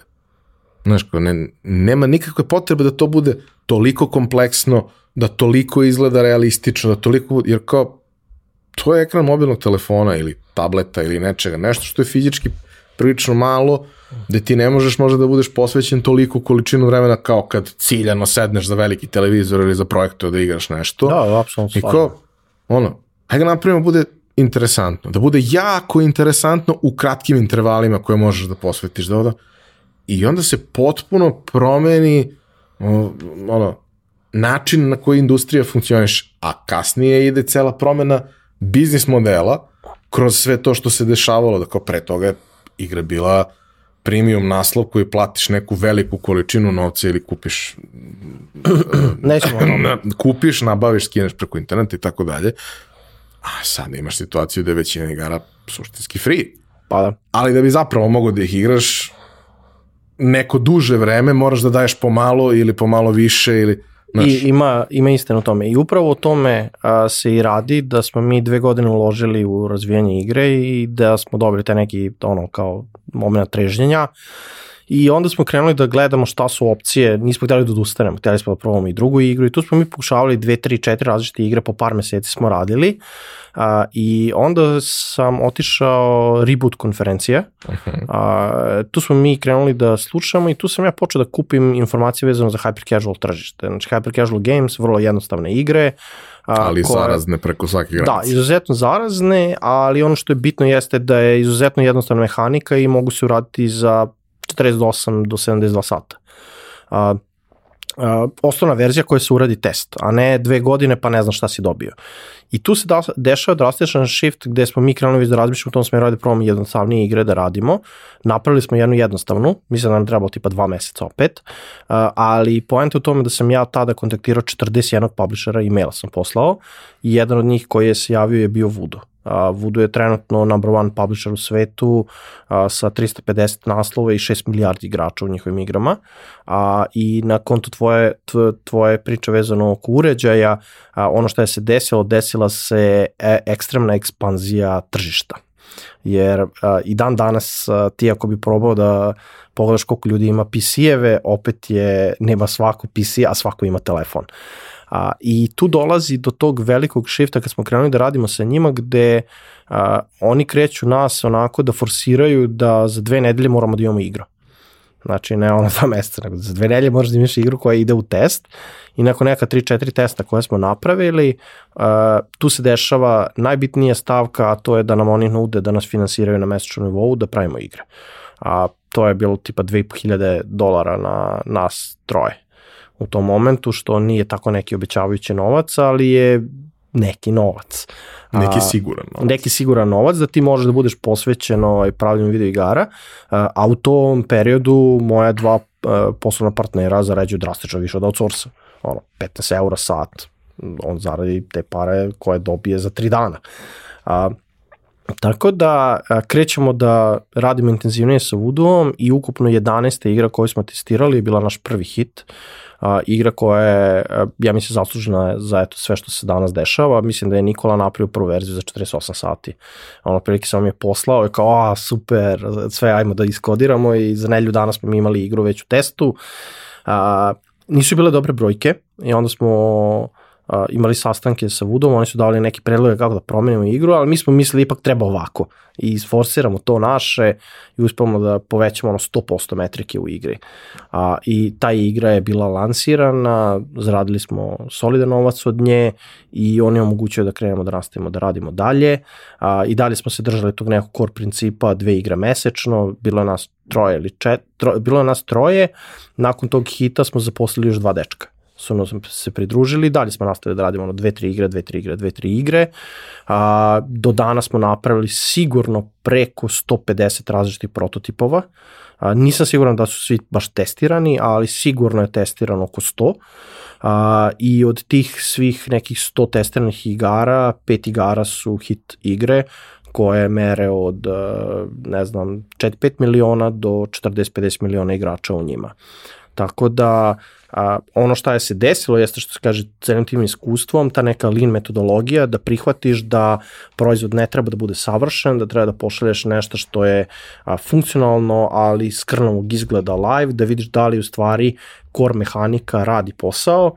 Da li je da, to ljudima zabavno? I da li je ljudima zabavno. Znači, mere se dve stvari. Jedna je meri se CPI, odnosno cena akvizicije, da ti kad vidiš tu neku reklamu, brdu reklama, da li te želi, da interesuje ta igra, odnosno da li te ta mehanika te igre interesuje. Grafika je generalno nebitna, čak i dobra grafika loše performuje u, loš, u poređenju sa običnim plavim čikicom. I u većini tih slučajeva kada to praviš, ta grafika je svedena, ali je simpatična. Da, Nije minimalizam, ona, ne da. puno stvari da ima. Znači kao, nema previše toga što se dešava na ekranu, ima tačno stvari koje treba da ti privuku pažnju, one su vrlo, Tako je. vrlo su Tako je, znači cela, cela metodologija se svodi na to da igrač u roku 3 sekunde mora da razume kako se igra igra, kako pobeđuje i kako failuje. I da kaže sebi ja ovo hoću. Da, i hoću da probam. Uh, I to I je... ne košta me ništa da probam. Da, ne košta ništa, igre su potpuno besplatne, pogotovo u tim prvim testovima, a, nema ni reklama, nema ničega, tako da samo nam je cilj da dobijemo igrača, da vidimo kakav je data igre, da kupimo za 50 dolara a, od 100 do 250 igrača, idealno 250, to spušta cenu CPI-a,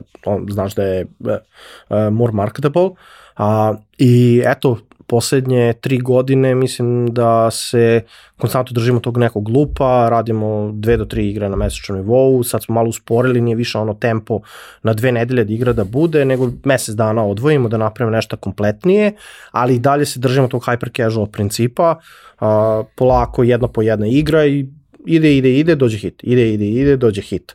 Tako da sve, u stvari, taj neki broj pokušaja, A, I eto, to je u stvari pomoglo da počnemo i dosta da se širimo a, i da Tami Games raste, da otvorimo dodatnu akademiju gde sad učimo ljude kako da prave video igre a, i ono što je interesantno jeste da zajedno sa Voodoo, znači Voodoo Tami Games a, Academy, a, gde su ljudi plaćeni da dolaze svaki dan kao da je posao, ali nije posao, a, pošto no, Voodoo ih plaća, ali poenta u tome da uče kako da prave igre, imaju edukaciju od nas, od Voodoo, evo trenutno nam je Voodoo tim u Srbiji, a, gde oni dolaze, drže predavanje, imaju project manager, odnosno taj project manager, PM-ove, publishing menadžere, koji sa njima pričaju o njihovim idejama, daju im sugestije, daju im sugestije šta na tržištu trenutno radi, daju im sugestije koje igre da probaju da igraju kako bi izvukli neke ideje. Tako da to je postao sad onako a, ozbiljan uh, production sa aspekta data seta. Znači, ono, baš se stvarno sve analizira kako funkcioniše I ono što je drastično različito od uh, gaming industrije i onoga gde sam ja boravio uh, dugi niz godina, naravno i dalje sam tamo, uh, jeste brzina dolaska do proizvoda. Uh, danas ti ne možeš razviti neki uzbiljni online uh, proizvod uh, bez par meseci rada da, to, to sve funkcioniše. Naravno, postoje sad već i en, engine i Laravel i sve ostalo koji ti daju već određen set stvari gotov, predefinisan, ali nije toliko lako istestirati ideju kao što je u gaming industriji. Znači ti pušaš build na Android iOS Store, pustiš marketing na Facebooku i automatski dobijaš za četiri dana full analitiku da li nešto radi ili ne. Dok, uh, eto, tokom, što se tiče weba nije toliko lako, uh, svi znamo ovog uh, Big Fishing Bookera, uh -huh. uh, on je taj princip primenuo, ako si slušao i njegovu priču, razumeš, na AdSense kako je testirao, uh, mi sličan neki princip koristimo u stvari na mobile industriji. I kad se nabode to nešto što radi, onda ide update veće igre, integrišu se reklame, a, publishuje se igra, opet se meri da se vidi kako igra funkcioniše, onda i dajemo, dodajemo AB testove, doda se, ne znam, 5-6 AB testova da vidi šta unapređuje igru, šta radi, ide, šta ne radi, izbacuje se. I samo se radi iteracije, iteracije, iteracije, dok se ne postigne neki ono, zadovoljavajući LTV i kada je postignut zadovoljavajući LTV, marketing u fullu preuzima i to je to. Nema, nemaš dalje šta da radiš. Jedna od stvari koju bih volao da malo detaljnije prođemo je taj ceo moment uh, postoji trenutak u vremenu koji je bio pre recimo 6-7 godina kada su hyper casual igre počele da budu i, i pre toga si imao casual igre, ali su one bile malo da kažemo kompleksnije. Flappy Bird. Dalje. Na, ali u jednom trenutku dolazimo do toga da kao ono estetika koju mi pamtimo iz, iz odrastanja koja je bila faktički ono estetika sa prvih konzola i slično da da to je good enough samo nisu baš kockice jer dovoljno visoka rezolucija ekrana nego je to sad idealno ali znaš vrlo je jednostavno vrlo je svedeno.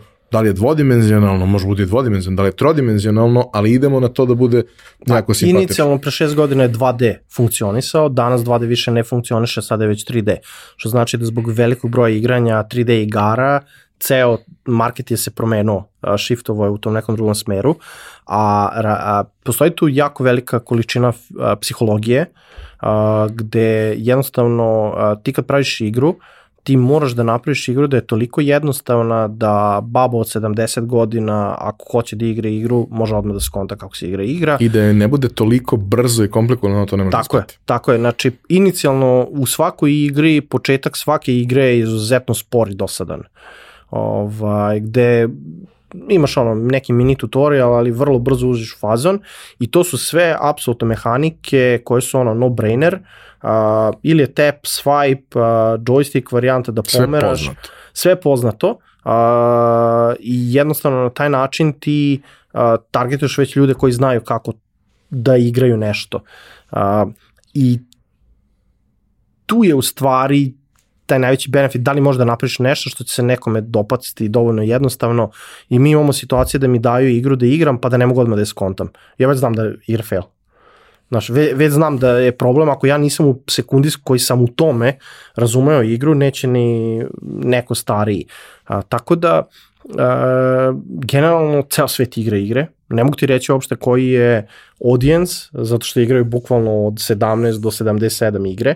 A, ali su to igre koje su napravljene da ljudi igraju kada im je dosadno, kada čekaju, kada snimaju, razumeš da može da uzme da igra igricu, dok čeka u redu ili nešto radi, ili dok je u vozu ili kako god čeka da kupi kartu. Poenta je u tome a, igre koje ne zahtevaju a, neki ogroman progression i tvoj commitment, nego da ti možda odigraš jedan, dva nivoa i da vratiš u telefon i da sutra otvoriš jedan, dva nivoa pa i vratiš u džep. Znači da ne bude ono, a ne mogu da ti odgovorim sad. I ne moraš da odgovoriš ne moraš da uradiš ništa mesec dana i hoćeš opet tako imati je, tako je. dva sata dosade. Ali, je, ali su non-interruptible, non-interruptible igre, a, primjer radi, ne znam, da si igrao World of Warcraft, pa ako ti neko dođe, druže, ne mogu sred raida sam, beži dalje. Znaš, ili igraš Quake, e, još 7 minuta traje partija. Ovo su igre koje u sekundi kada te neko interruptuje ti uzmeš staviš u džep, ne razmišljaš šta će da se desi ili imaš još 10 sekundi najviše da završiš nivo. A, tako da i ce, cela ta koncepcija je da nijedan nivo ne sme traje između 15 i 25 sekundi, to je to. E, to sam i hteo da te pitam, e, zapravo, ono, a, kada si ulazio u, u, u priču sa igrama kao klinac i kada si se zaljubio u igre, one su bile nešto potpuno drugačije, nešto što te uvuče u svoj svet u kome ti suštinski živiš. A ovo sad je nešto potpuno drugo. E sad ti 20 godina razvijaš način razmišljanja o tome kako praviš svet u kome će ljudima biti zanimljivo da borave, mnogo posvećeno, da ljudi provode sate i dane, imali smo one varijante, mislim imali smo i na forumima, ali u igrama, ono kao, znaš, uđeš na nečiji profil i kao proveo je 1400 dana u igri, kao je, je. Ovaj, I onda shvataš da je ovo potencijal, vidiš kako to lagano raste, počinje da, kako je počelo da raste, tako je vrlo brzo eksplodiralo i svuda ih je bilo. Sve je jako jednostavno i svedeno, što znači da je vrlo teško biti originalan, a imaš potrebu da stalno inoviraš i radiš nešto novo. Kako uopšte, ono, prvo, kako napraviš mindset da bi uopšte mogao to da kreneš da radiš, a onda kako održavaš taj mindset da bi mogao da ostaneš u toku sa tim da svakog meseca ti i ostali, kako ko, ko dobije ideju, imate materijal sa kojim ima smisla krenuti u rad, jer kao da bi napravio tri igre ili jed, ne bi, tri igre da bi napravio, moraš da imaš 15 ideja. Pa e, da i ne. O čemu se radi? Znači, mi pratimo celo tržište šta se dešava.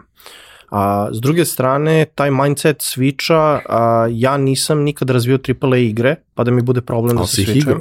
Ja sam igrao i dan danas igram, Uh, ja i dan danas upalim Apex Legends da odigram, odigram ponekad Dotu, uh, prešao sam sad Horizon Worlds na PlayStation 5-ici, znači igra me oduševila koja je koštala 100 miliona dolara i svaka travčica se pomera u igri i ono, out of your mind i u VR-u isto neke stvari, ali ja sam uvek volao da igram video igre na telefonu, A, ja im, imam nekoliko igara koje baš onako aktivno igram, ali ako ćemo realno da pričamo, od mog prvog Androida, a, Temple Run je bio igra u kojoj sam imao a, otprilike, možda i jedan od svetskih rekorda, otprilike koliko sam igrao, dešavalo se da ostane na već šoli po sat i po vremena.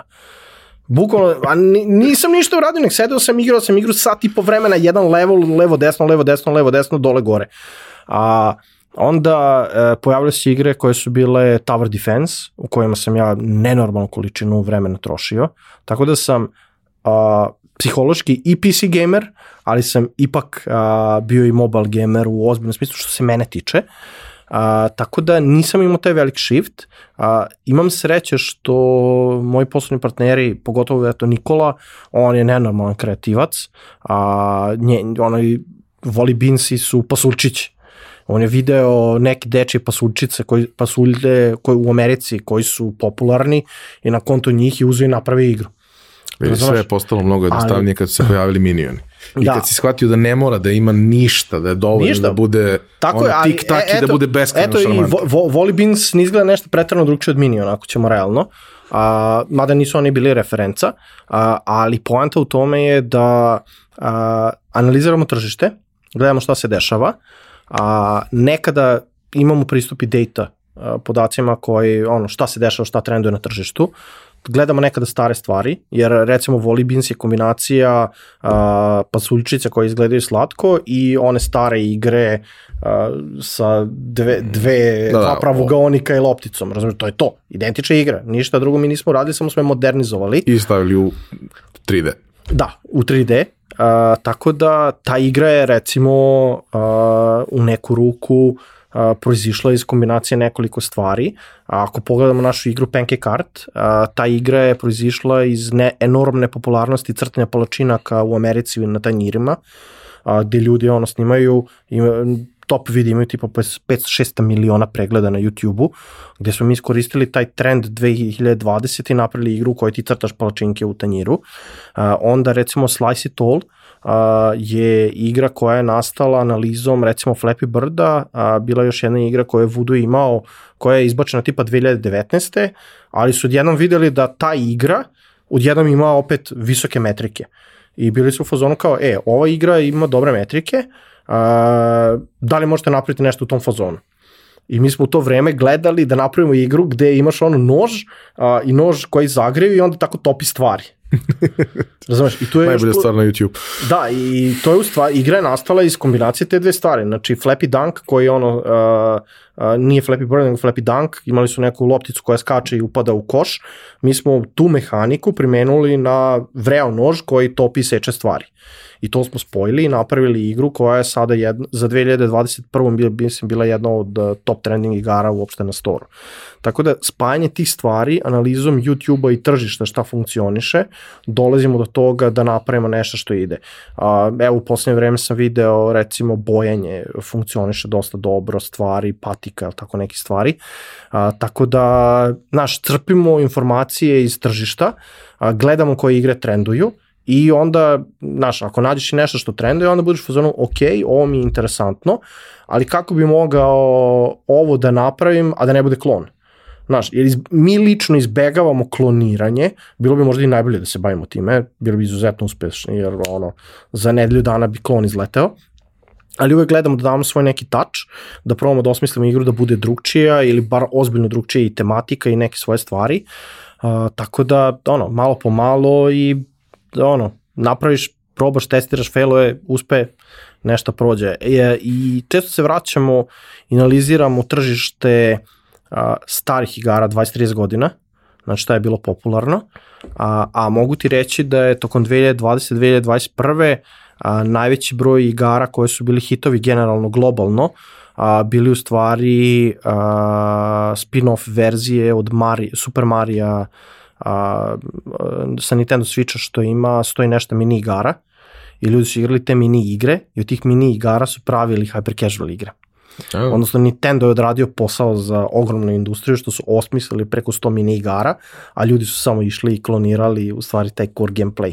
A jedna od najboljih primjera je recimo igra koju je Voodoo lansirao Nokia Mall, koja je u stvari tačno jedna od igara gde ti imaš da gađaš uh, sa uh, topom i loptom, uh, kako zove, ono, objekte, mm -hmm. a oni su samo prepravili tu igru da bude standalone bez karaktera.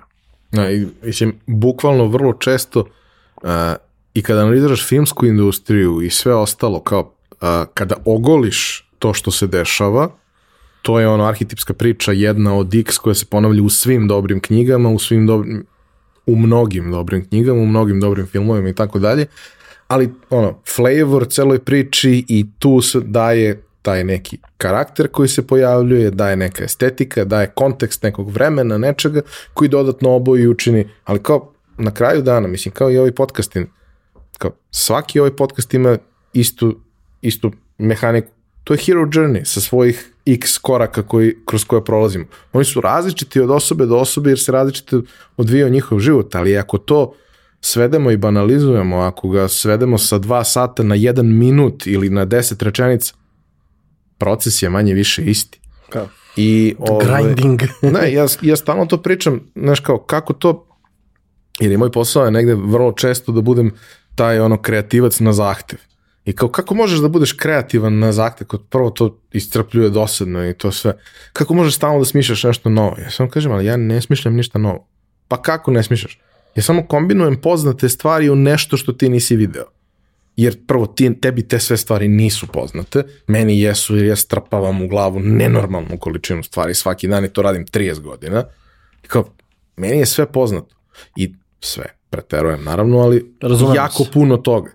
A posebno je interesantno kada uspeš iz dva različite ili tri različita konteksta koji na prvu loptu nemaju dodirnih tačaka da izvučeš zaključke i smestiš ih u nešto, u nešto novo. Kada zaključak doneseš iz ono jednog sporta, jedne knjige i jedne pesme i napraviš nešto što nema nikakve veze sa tim, ali kao ko zna te stvari, on vidi da je to to. Jer sve te stvari na kraju dana su uspešne zato što triggeruju neki set emocija. I ti to pokušavaš da ugradiš u taj pa, proizvod. Ali znači. to je, to je činjenica, uh, taj knowledge depth koji smo stvorili kroz uh, velik broj godina kojim se bavimo ovim stvarima, u stvari ti pomaže da na lakši način uh, dolaziš sada do rešenja. Meni je sad drastično lakše da dođem a, i do ljudi, i do kapitala, i do proizvoda nego što je bilo pre 10 godina. Jer opet taj put koji sam prošao bio malo i ruža, malo i ovaj, bodlji, ali e, došao, doveo je do toga da smo uspeli da napravimo nešto što sad, ono, mogu kažem, najzad funkcioniše. A, daj Bože da će dugo da funkcioniše, što se kaže, ali ono, nikad, nikad ne znamo dok, dokle stvari idu, ali jednostavno taj ceo proces koji sam prošao i to neodustajanje koje smo imali u stvari doveo do ovoga da sad imamo jednu lepu i stvarno zdravu priču koja postoje, oziroma više zdravih priča koje postoje, ali smo isto primenili identičnu metodologiju na sve njih. Ono što mi je, što mi je vrlo bitno, što bih voleo da, da pomenem ovde je, e, imali smo prilike da da pričam i u prethodnom periodu sa, sa nekim ljudima koji su iz slične industrije ili industrija koja na sličan način funkcioniš. Uh, taj odnos u kome suštinski ti zavisiš od eksternog partnera, od publishera, nisi 100% zavisan od njega, ali on jeste neko ko može mnogo da ti pomogne ili nedostatak njega može mnogo da te uspori, da ti odmogne i tako dalje. Volao bih da objasniš kako je taj put izgledao, jer suštinski vi ste se pojavili kao neko ko je bio nepoznat svima njima i trebalo je vremena da izgradite tu vrstu prepoznatljivosti, reputacije, da napravite track record zbog koga oni sad vas očigledno je iz svega što se dešava vide kao veoma važnog i vrednog partnera, a to se dešava i sa drugim kompanijama, vi ste imali saradnju sa nekim od najvećih kompanija na svetu, što je predivno i meni kao nekome ko to gleda sa strane i znao toliko dugo je bilo neverovatno drago to sve, ali kao to se ništa nije desilo slučajno. Ali se isto tako ništa nije desilo kao posledica e, nekog odnosa i scenarija u kome su svi bili presrećni i prezadovoljni sve vreme. Što je mnogo nekog, nekih kompromisa i mnogo neke vere u budućnost i tako dalje da bi se stvari desili. Mnogo datih i ispunjenih obećanja. Pa? Kako je izgledala, znači, Tami Games od trenutka napravili ste igru koja je bila flop i sad treba da se krene u, u, u dalje, treba da se ulazi u priču, ulazite u priču sa, sa publisherom malo ozbiljnije i kako prosto raste vaš odnos? Uh, što se tiče uh, odnosa sa Voodoo-om konkretno, uh, ništa se pretrano nije promenilo i dalje imamo jedan sastanak nedeljno uh, sa njima, uh, ukoliko treba imamo i drugi. Uh, na tom sastanku pričamo o ideji koju mi imamo, oni čuju, vide ili daju neki svoj feedback ili daju svoju neku ideju a, i do idućeg nedelje mi razvijemo tu igru. A, to je tako bilo od početka i tako i dan danas. Razlika je što sad postoje još dodatne neke stvari a, gde diskutujemo i o revenue i CPI i sve, ali ono što je bilo bitno jeste da je Voodoo a, promenuo, ja mislim, 8 ili 9 PM-ova koji su radili sa nama. Znači, oni na svakom određenom periodu menjaju osobu koja komunicira sa tobom, kako ne bi zaglavio u jednom lupu sa jednom osobom, a zašto uvek neko nov možda ima neki dodatni ovaj, feedback ili drugi ugao gledanja. Nisu uvek bili idealni publisheri, ali, PM-ovi, ali ono, super sve bilo.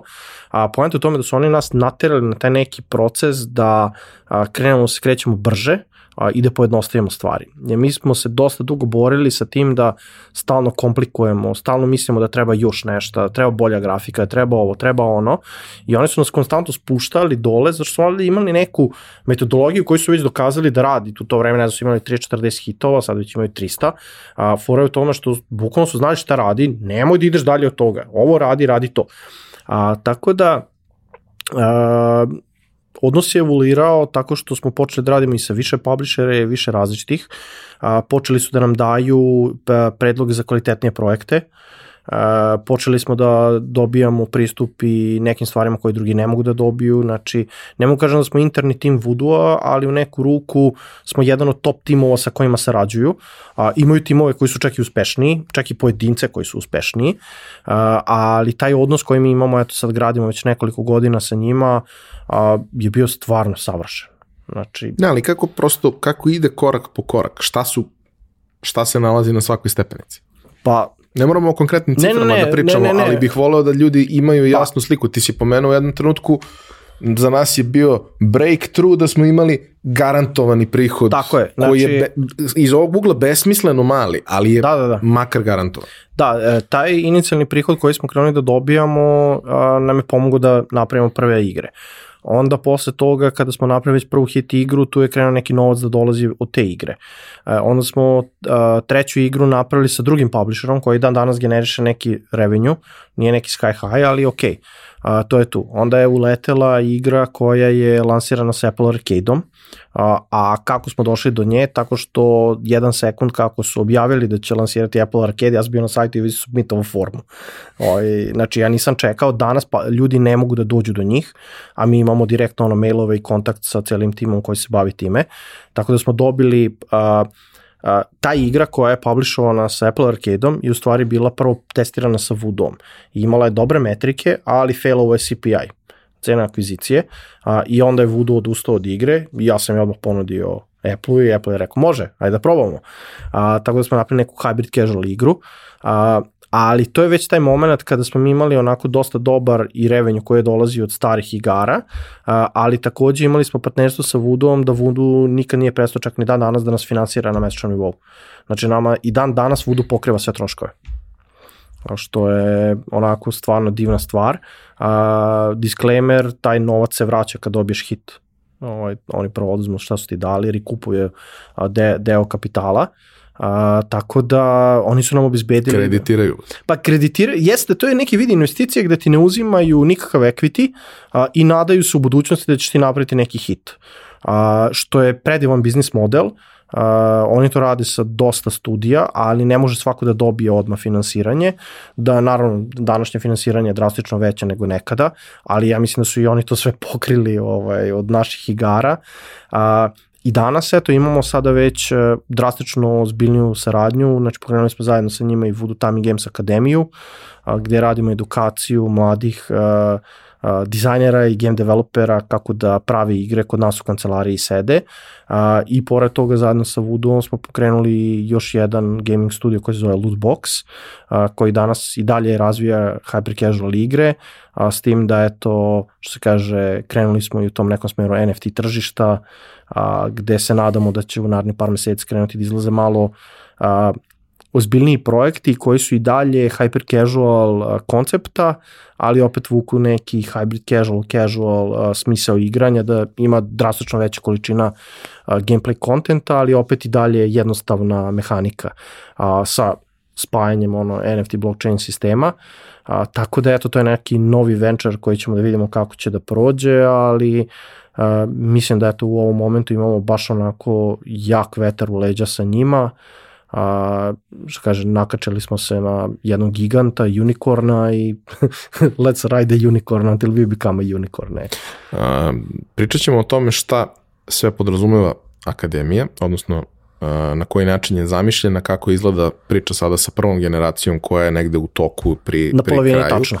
Ovaj, I e, pričat ćemo dakle o tom delu, ali ono što hoću da te pitam je, dakle, imaš taj moment da um, pominjao si negde 150 do 180 prototipa ste napravili u različitim oblicima, ajde da kažemo da je, da je 100 igara dovedeno do nekog nivoa koji je playable, Dobro. stvarno možeš da probaš to sve. I sad, naravno, vi to predložite, oni kažu ok, može, napravite, nešto od toga se testira, nešto od toga što se testira prođe, nešto od toga što prođe pobedi, ali kao u celom tom procesu ima mnogo stvari koje usput otpadnu, a to nekako iz mog ugla ne deluje mi da ima smisla da se takve stvari odbace, jer možda samo u tom trenutku nisu prošle ili možda nisu ono, nisu dovoljno dobri da igraju u Real Madridu, ali su sasvim okej da igraju futbol.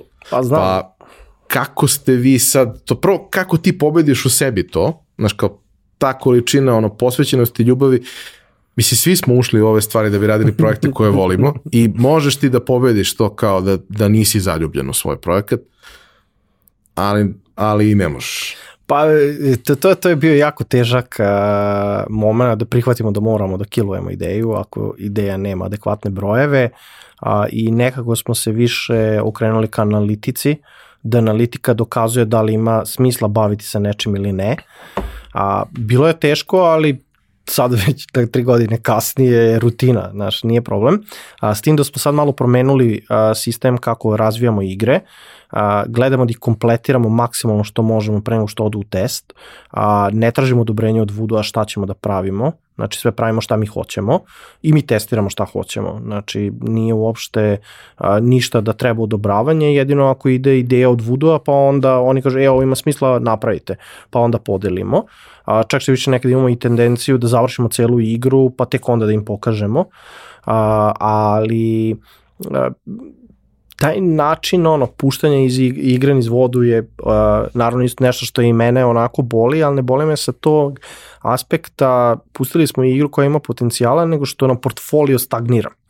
A, uh, ono što mene tu, da kažem, zašto se to pokrenuo uopšte, volio bih da, da, da opišeš proces koji uh, kaže kako sve to izgleda, a onda šta se dešava sa onim što je jako dobro, znamo šta se dešava.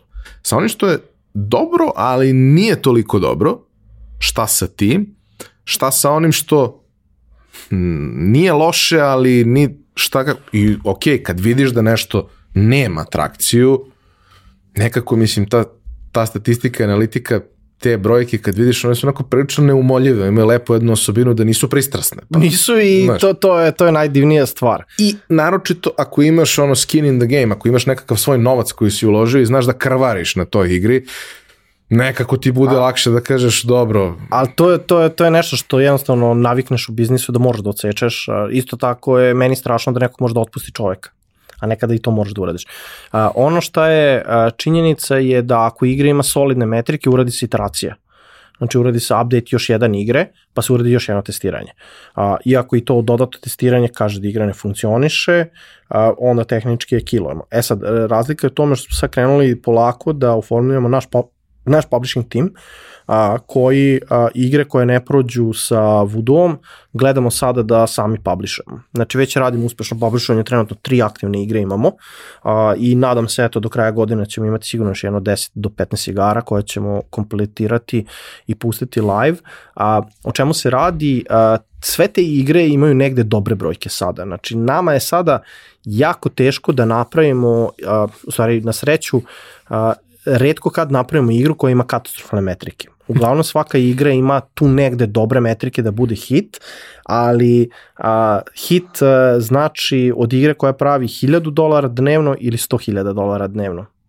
Razumeš, taj odnos, bu, bukvalno tolika razlika može biti. A, kad je u pitanju publisher, ako nabodeš baš najveći hit. Na, nismo ni mi postigli to, ali a, poenta u tome da a, sve te igre koje nažalost ne prođu, gledamo sada da spakujemo, a, da integrišemo reklamni sistem na njih, napravili smo sada već i naš cross promo, a, to sad sve hoćemo da integrišemo a, i da u principu sve te igre budu na storu, Uh, i onda organski što se kaže dolaze igrači, pošto mi reklamiramo jedne stvari, prelivaju se igrači iz jedne u drugu igru i opet se generiše neki stable revenue. A zašto je meni taj stable revenue bitan? Zato što, upravo što si rekao, ne do bog, da Voodoo, Apple kaže kraj, a mi smo onda u problemu. Na ovaj način mi u stvari obezbeđujemo a, našoj firmi da i dalje možda nezavisno funkcioniše bez obzira šta se dešava sa publisherom. A, tako da a, trenutno je oformljen baš tim prošle nedelje koji će završavati sada igre. Napravili smo naše, to ajde to zovemo Tami Engine kao SDK u kom ima sve i bukvalno samo ga importuješ u igru, 15, 5 linija koda povežeš i igra je spremna da ide live. Um, kad kažeš taj deo sve, odnosno ono što tebi u ovom slučaju radi publisher, radi promociju i radi monetizaciju u okviru Tako igre. Tako je. A, primarni način monetizacije u igri su reklame i pa kažemo to nešto što možeš da kupiš u okviru igre, ali ja kažemo najmasovnija stvar kada imaš milione igrača su upravo te reklame koje se stalno Re, Reklame i no ads se uglavnom integriše u sve.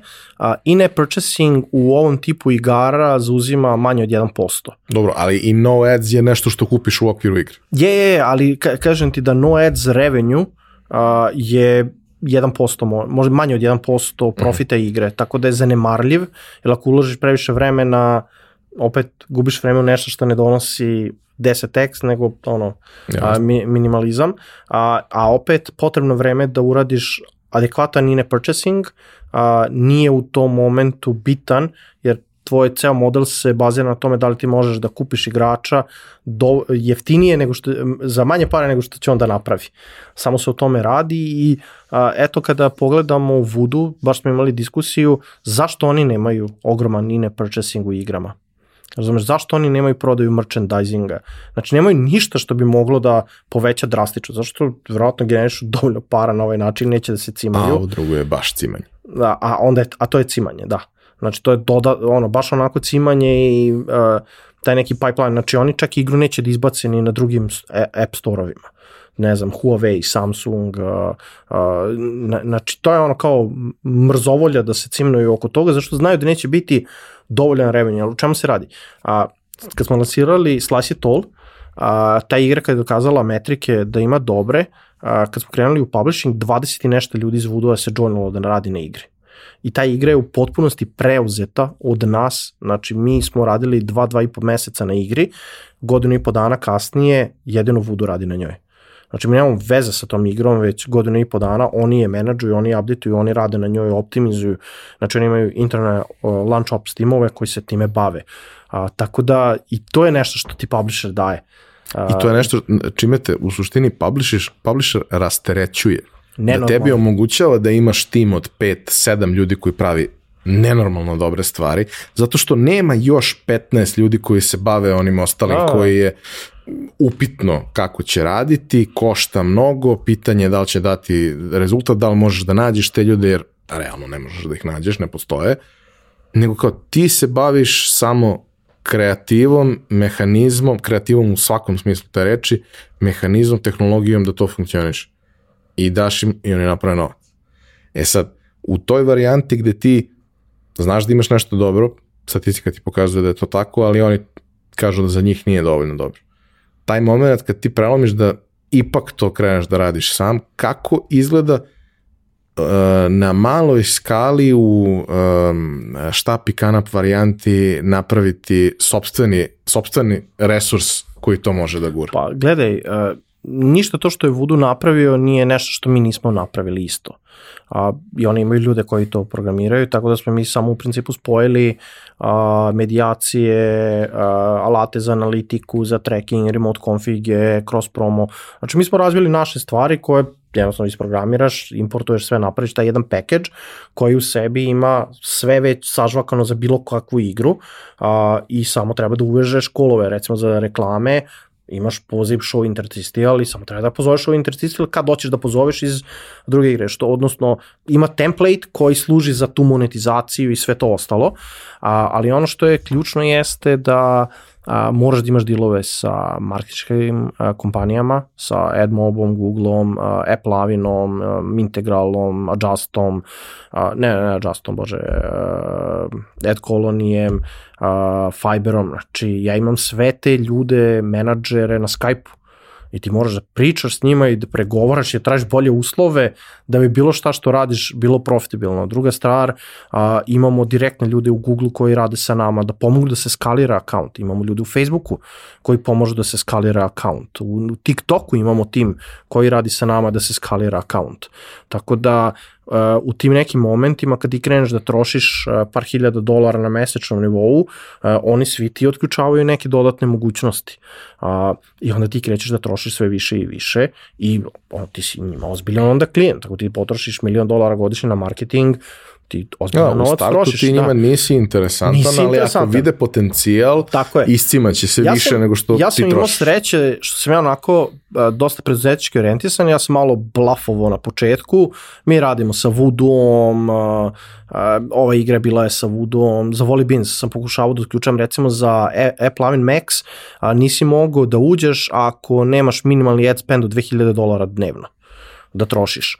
Ja sam tu ispregovarao sa njima i pustili su nas unutra. Znaš, tako da eto, dan danas koristimo Apple Avin i sad su stvari potpuno drugčije. A, druga stvar, a, ono što ljudi ne shvataju jeste da ti možeš da ispregovaraš sa a, svim tim a, ad platformama invoicing. Što znači meni Facebook a, nalog ima mesečni limit 150.000 eura da potrošim, da ne moram da platim 90 dana. E sad, stvar je u tome što reklamne agencije šalju pare od 30 do 60 dana. I sad ti ako uložiš 1000 eura i više nemaš para, treba čekaš 3 meseca da ti stigne novac. To je prva stvar koja je kilovala you share it, jer čekali smo 120 dana pare. A, jednostavno nismo mogli 4 meseca da čekamo da imamo novac.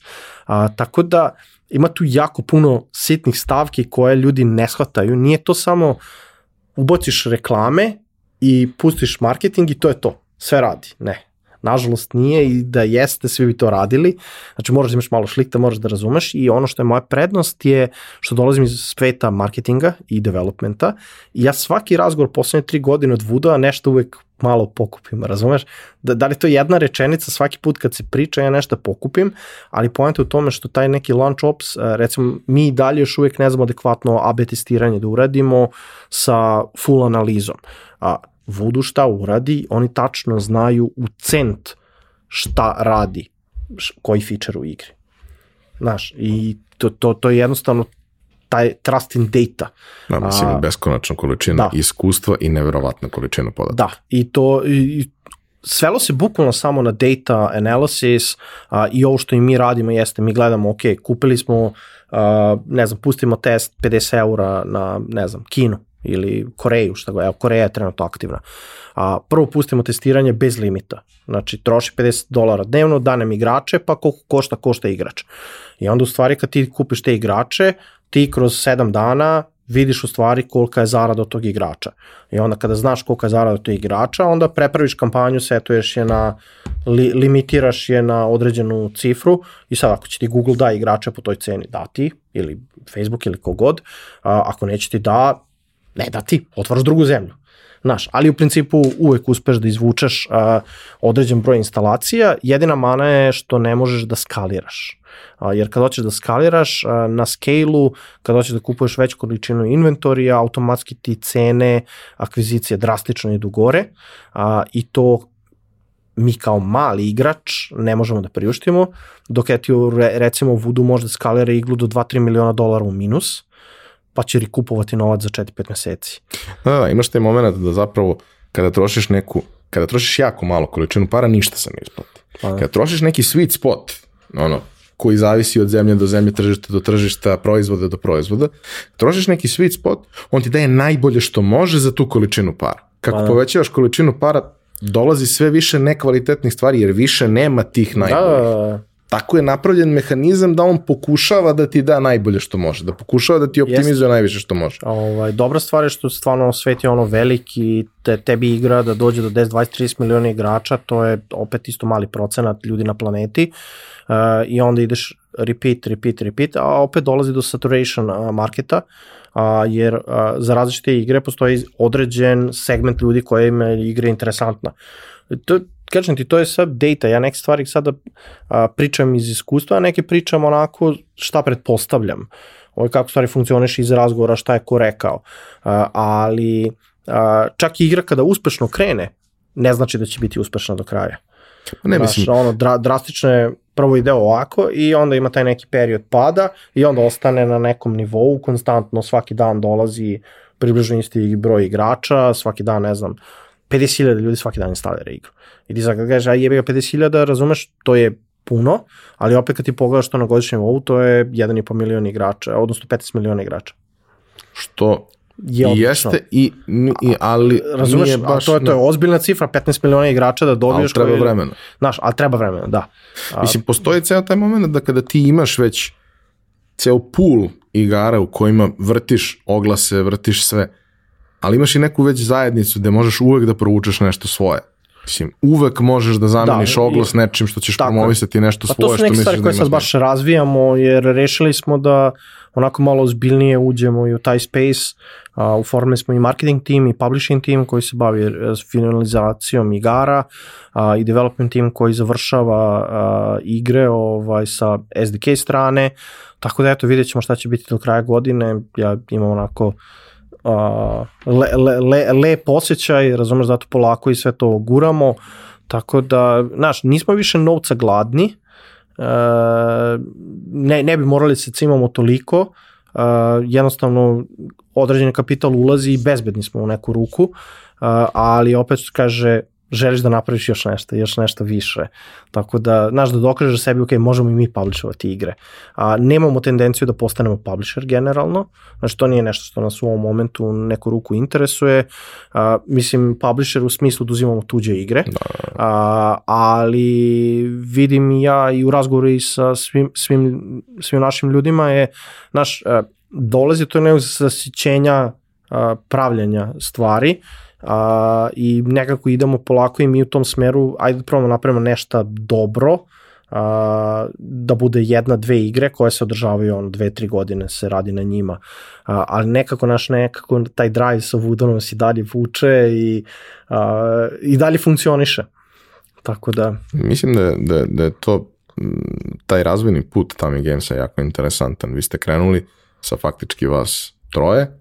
Četvoro nas, pa je jedan od nas napustio, a, i onda kasnije došao, došle su još dve osobe u isto vreme i dugo vremena smo bili, skoro dve, dve i po godine smo bili na sedmoro ljudi samo.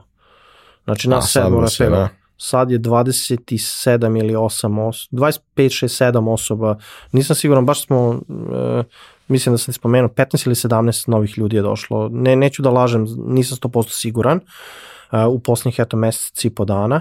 A, tako da e, polako rastemo i pored toga a, s obzirom da spomenuti akademiju imamo još 20 a, e, učenika unutar firme a, koji su tu koji uče kako da pravi hyper casual igre sa ciljem da oni dođu do hit igre Ovaj, to je naravno final goal, a bože moj, ako ne uspeju, nakon akademije imaće mogućnost da nastave saradnju ili sa Voodoo-om, ili možda saradnju da ostanu u Tami Gamesu, to će već sad biti njihov izbor, naravno niko ih ne drži, nisu uslovljeni ničim. Ok, a, pomenuo si, dakle, akademiju, rekao sam želimo da pričamo malo više o tome, mislim da je, da je jako interesantno. A, taj moment a, kada je najavljeno da će krenuti. Ko nije to prvi put da neko rekao da će da pravi neku vrstu edukacije za ljude koji ulaze u game. Onda sam ja čitao malo više o tome i zapravo sam skapirao da uh, je ovo kao neka vrsta um, usavršavanja ljudi koji su već, koji već imaju bazični set veština. Znači oni to umeju da naprave, ne znaju šta da naprave odnosno imaju verovatno neku ideju, ali postoji solidna šansa da Savršno ta ideja nije baš, baš nije kako treba. I da to suštinski znači da ćeš ti dobiti osobu koja ume da uradi, dobar je izvršilac, dobar je tehničar, kreativac, svejedno, ovaj, koja će sada znati kako što funkcioniše i imati neku, neku konkretnu, uh, neki konkretan know-how koji je dobio. E sad, a, pošto ok, prva generacija je u toku, to je sada zatvoreno i tako, ali najverovatnije će, ako sve bude kako treba, a ide ka tome, neće biti jedna generacija, bit će ih nekoliko i bit će to nešto što se u nekim pravilnim razmacima, da kažemo, ponovo dešava i tako dalje. E sad, kako je izgledala prva generacija? Šta su bili uslovi? Šta su bile kvalifikacije koje se traže od tih ljudi i kako izgleda njihov proces? Ovaj, uh, ne mogu 100% kažem tačno listu, mislim da postoji i na sajtu, ali ono što je najbitnije a, jeste targetovali smo negde mlađe ljude, a, negde do 30. godine da budu. Ja mislim da je cela, cela ekipa akademije tu negde do 25. A, većina je a, završna godina fakulteta ili su tek završili fakultet a, i ono što je bilo bitno nama jeste da a, su ili već pravili neke igre, tražili smo ono da pošalju neki portfolio, su probali nešto, a, ili su do, imali su tehnički zadatak da je developerima dato da naprave jednostavno hyper casual igru, koju mi generalno dajemo i svim našim a, ljudima koje zapošljavam, identično, identična procedura, a, a artistima je data da zadatak da urade neki 3D. 3D karakter ili šta je već bilo i onda smo prošli kroz te zadatke, videli koji timovi znaju i donali odluku kogu ćemo primimo, da primimo. 20 ljudi je primljeno, 37 je se prijavilo, od toga dvoje je bilo iz inostranstva, pa nismo mogli ni da primimo, četvoro ljudi je moralo da odustane, nisu mogli da dođu u Beograd a, i mislim da je tu ostalo nekih desetak ljudi kojima je data opcija da pohađaju online akademiju Vudovu. Uh, ne znam šta se s time desilo, stvarno nisam upućen, ali eto, dobro, dobro sam se sad setio. Uh, a 20 njih je došlo i od 1. maja sede, od 5. maja sede sa nama u kancelariji, ima jedan ceo sprat smo alocirali na njih. A, što se tiče trenutno akademije na nedelju... Kako izgleda program? A, da, na, ono što je bitno jeste da dobili su pristup Voodoo-ovoj online akademiji gde Voodoo ima 18 kurseva, apsolutno ceo proces kako se prave hyper casual igre.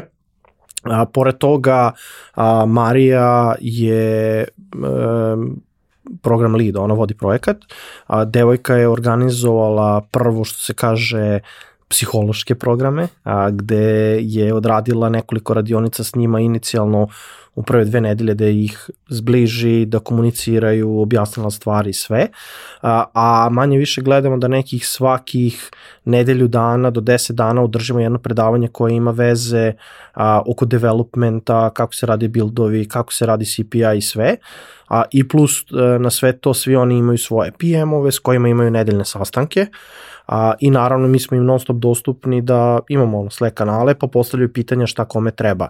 A, u neku ruku a, tu smo, pomažemo, ali opet dati mi i video kontent i snimljene sva, sva video kontent, sve što smo i mi pričali i dato im je sve samo da prate to da gledaju a, i timovi sede dole a, e, u kancelariji rade a, ono, dve igre mesečno i evo sad su otišle prve igre u testove a, čekamo da vidimo kakve će biti metrike, ali ono što me raduje jeste da već u odnosu na prvi prototip koji su radili i sada drugi, već se vidi drastični napredak, samo je pitanje broja pokušaja, dok neko od njih ne napravi nešto što ima smisla, pa čak i da ne naprave, opet bitno je da su naučili, pa moći će da nastave da, što se kaže, kasnije prave uh, dalje svoje ideje i da je Bože eto da jedna igra bude i taj neki hit, a u toj celoj priči uskačem i ja, uh, ono, sednem sa njima, pričamo o ideji koju imaju, razložimo je sve, da vidimo šta ima smisla, dam im sugestije ili neko od mojih kolega i to uglavnom dezignatujem, ne znam, jedan dan mesečno. Ovaj, tako da, uh, sad smo uspeli da prođemo svu birokratiju i muku ovaj, a, a, publishovanja preko a, Google Play-a, Facebook, a, integracija engine-a koji treba da se integriše zbog analitike i svega što Voodoo provajduje, a, privacy, kids friendly, business accountovi na, business manager accountovi na Facebooku, developer accountovi, znači sad su prošli onako kroz jedno šito, sito i rešeto a, koje je involvano oko pravljenja igara, što nema veze sa pravljenjem igara, A, tako da mislim da su sad svi timovi uspeli da izbace svoje igre i sad su sve u testu, tako da eto čekamo data i čekamo što se kaže da dođe avgust da vidimo sledeći set a, igara koji će odraditi. I evo zadnja dva dana je a, jedan dečko Juri koji ima osam lansiranih hit igara, u, no, u Novom Sadu sa njima i Stanislas koji je head of isto publishinga i partnerstava sa Vudom. A što se tiče cijele akademije, kako je ona počela, pa ja sam sedeo u stanu ovaj, sa koronom, bilo mi je dosadno a, i onda sam pričao sa Vudom na temu a, ozbiljnijih saradnji i jedna od saradnji je pop-upovala kao ta akademija. Znači Vudu je već razmišljao da napravi footprint na našem regionu, a, pošto ima dosta valja developera s kojima su sarađivali, a, tako da eto, Uh, rešili smo ajde da probamo tako nešto da napravimo, oni su već imali tu Voodoo akademiju, edukativni kurs i bilo je kao ajde da napravimo on the ground. A, tako da eto, uspeli smo da dogovorimo sa njima da oni bezbede budžet, aminovano je i evo u toku je taj program. A, i šta je tu još? Nisi pomenuo jednu stvar, a to je da su svi plaćeni. Proces. Da, da, da. A, ono što je a, karakteristično za program jeste da su a, svi akademci plaćeni onako možda čak i jače od juniorske plate ovaj, na mesečnom nivou. Ovaj, neću javno da govorim, ali a, mislim da je onako dosta lepa i pla, nije, nije to plata, oni imaju ugovor sa Voodoo-om gde ih Voodoo finansira a, ceo taj tim na mesečnom nivou da mogu da prave igre.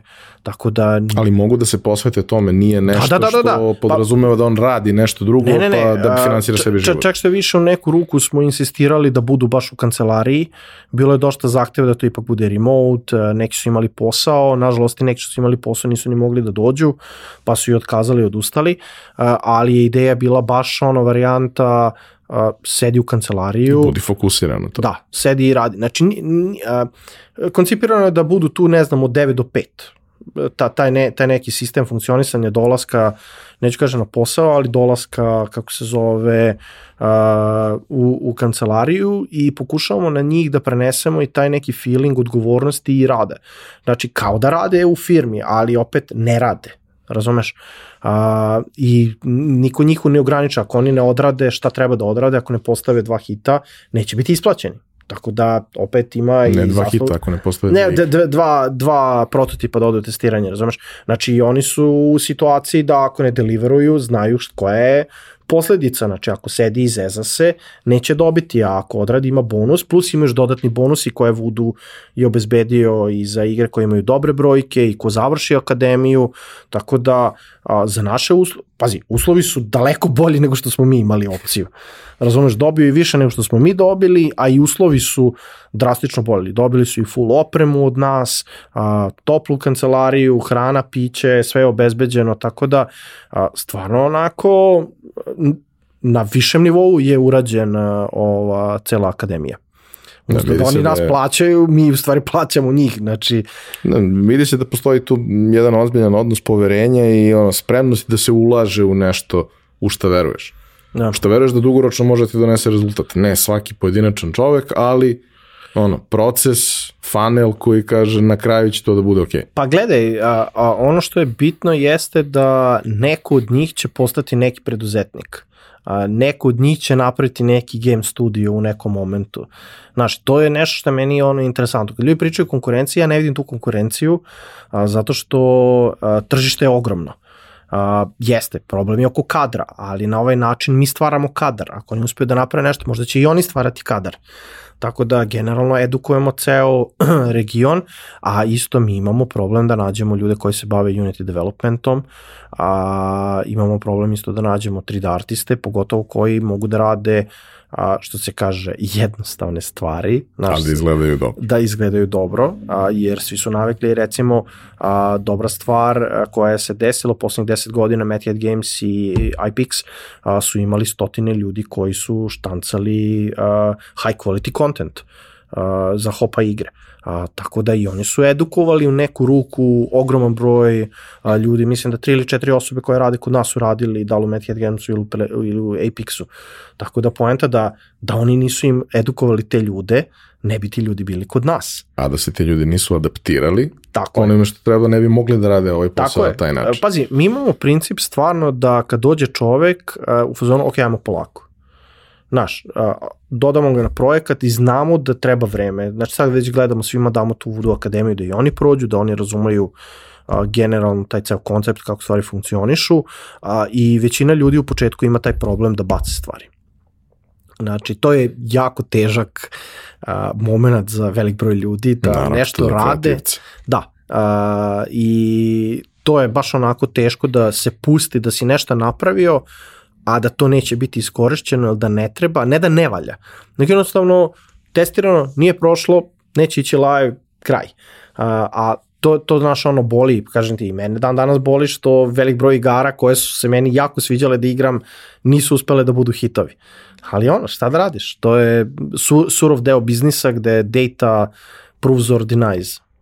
Ima taj jedan moment koji sam, koji sam čuo na, ono, kao jedan zanimljiv case i mnogo mi se svideo, uh, da uh, jedna slična priča, kao što je vaša, ima taj moment da naravno mnogo toga u procesu otpadne, ali onda neki od tih stvari imaju svoj drugi život kroz nešto što je slično, ali nije isto. Kao šta je to? Pa to su neke forme kratkih crtanih filmova sa tim karakterima. Kao uz dobru muziku, dobre neke glasove koji su abstraktni, jer cilj je da budu abstraktni, da mogu na bilo koji jezik uh -huh. da idu, kao minioni u krajnjoj da, liniji. Da. Kao to ima neki svoj drugi život. Kao to živi na nekom TikToku, na nekom YouTubeu, na nečemu, zavisi šta je.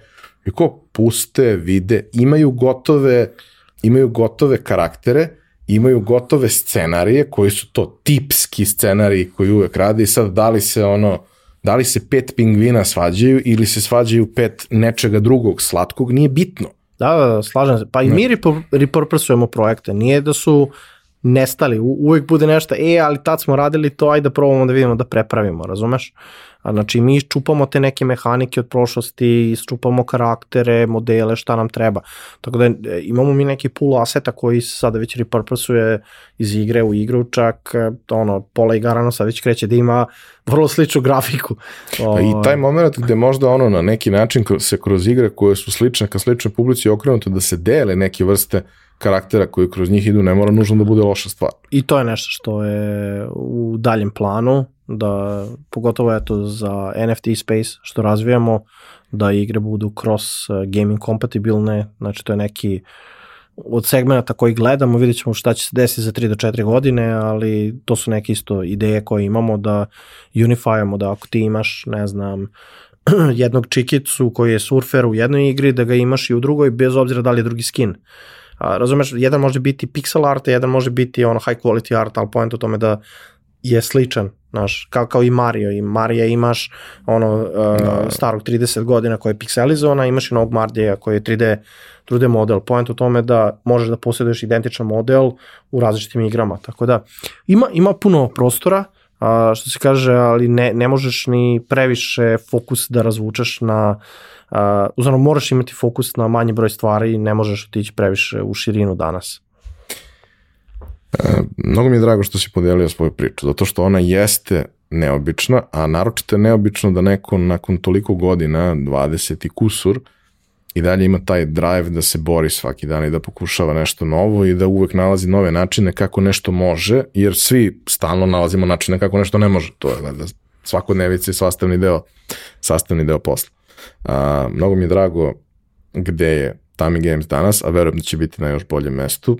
Uvek mi je čast da kažem, znaš, moj drugar, on je radio sa Apple-om neke stvari, znaš, moj drugar, on je radio, on je napravio igru koju igraju milioni ljudi u, u svetu i beskrajno je zabavna i ima karaktere koji su debeli, što je meni jako važno na nekom ličnom nivou. Ovaj, jer na kraju dana svi mi volimo da, mislim ne svi verovatno, ali ja bar jako volim da ovaj, uh, provodim vreme sa nečim što je simpatično, sa nečim što je drago. Znaš, ok, gledamo mi i filmove i serije koji su strašni i to sve, ali mnogo mi je iskreno draže da gledam debele životinje na Instagramu nego bilo šta drugo.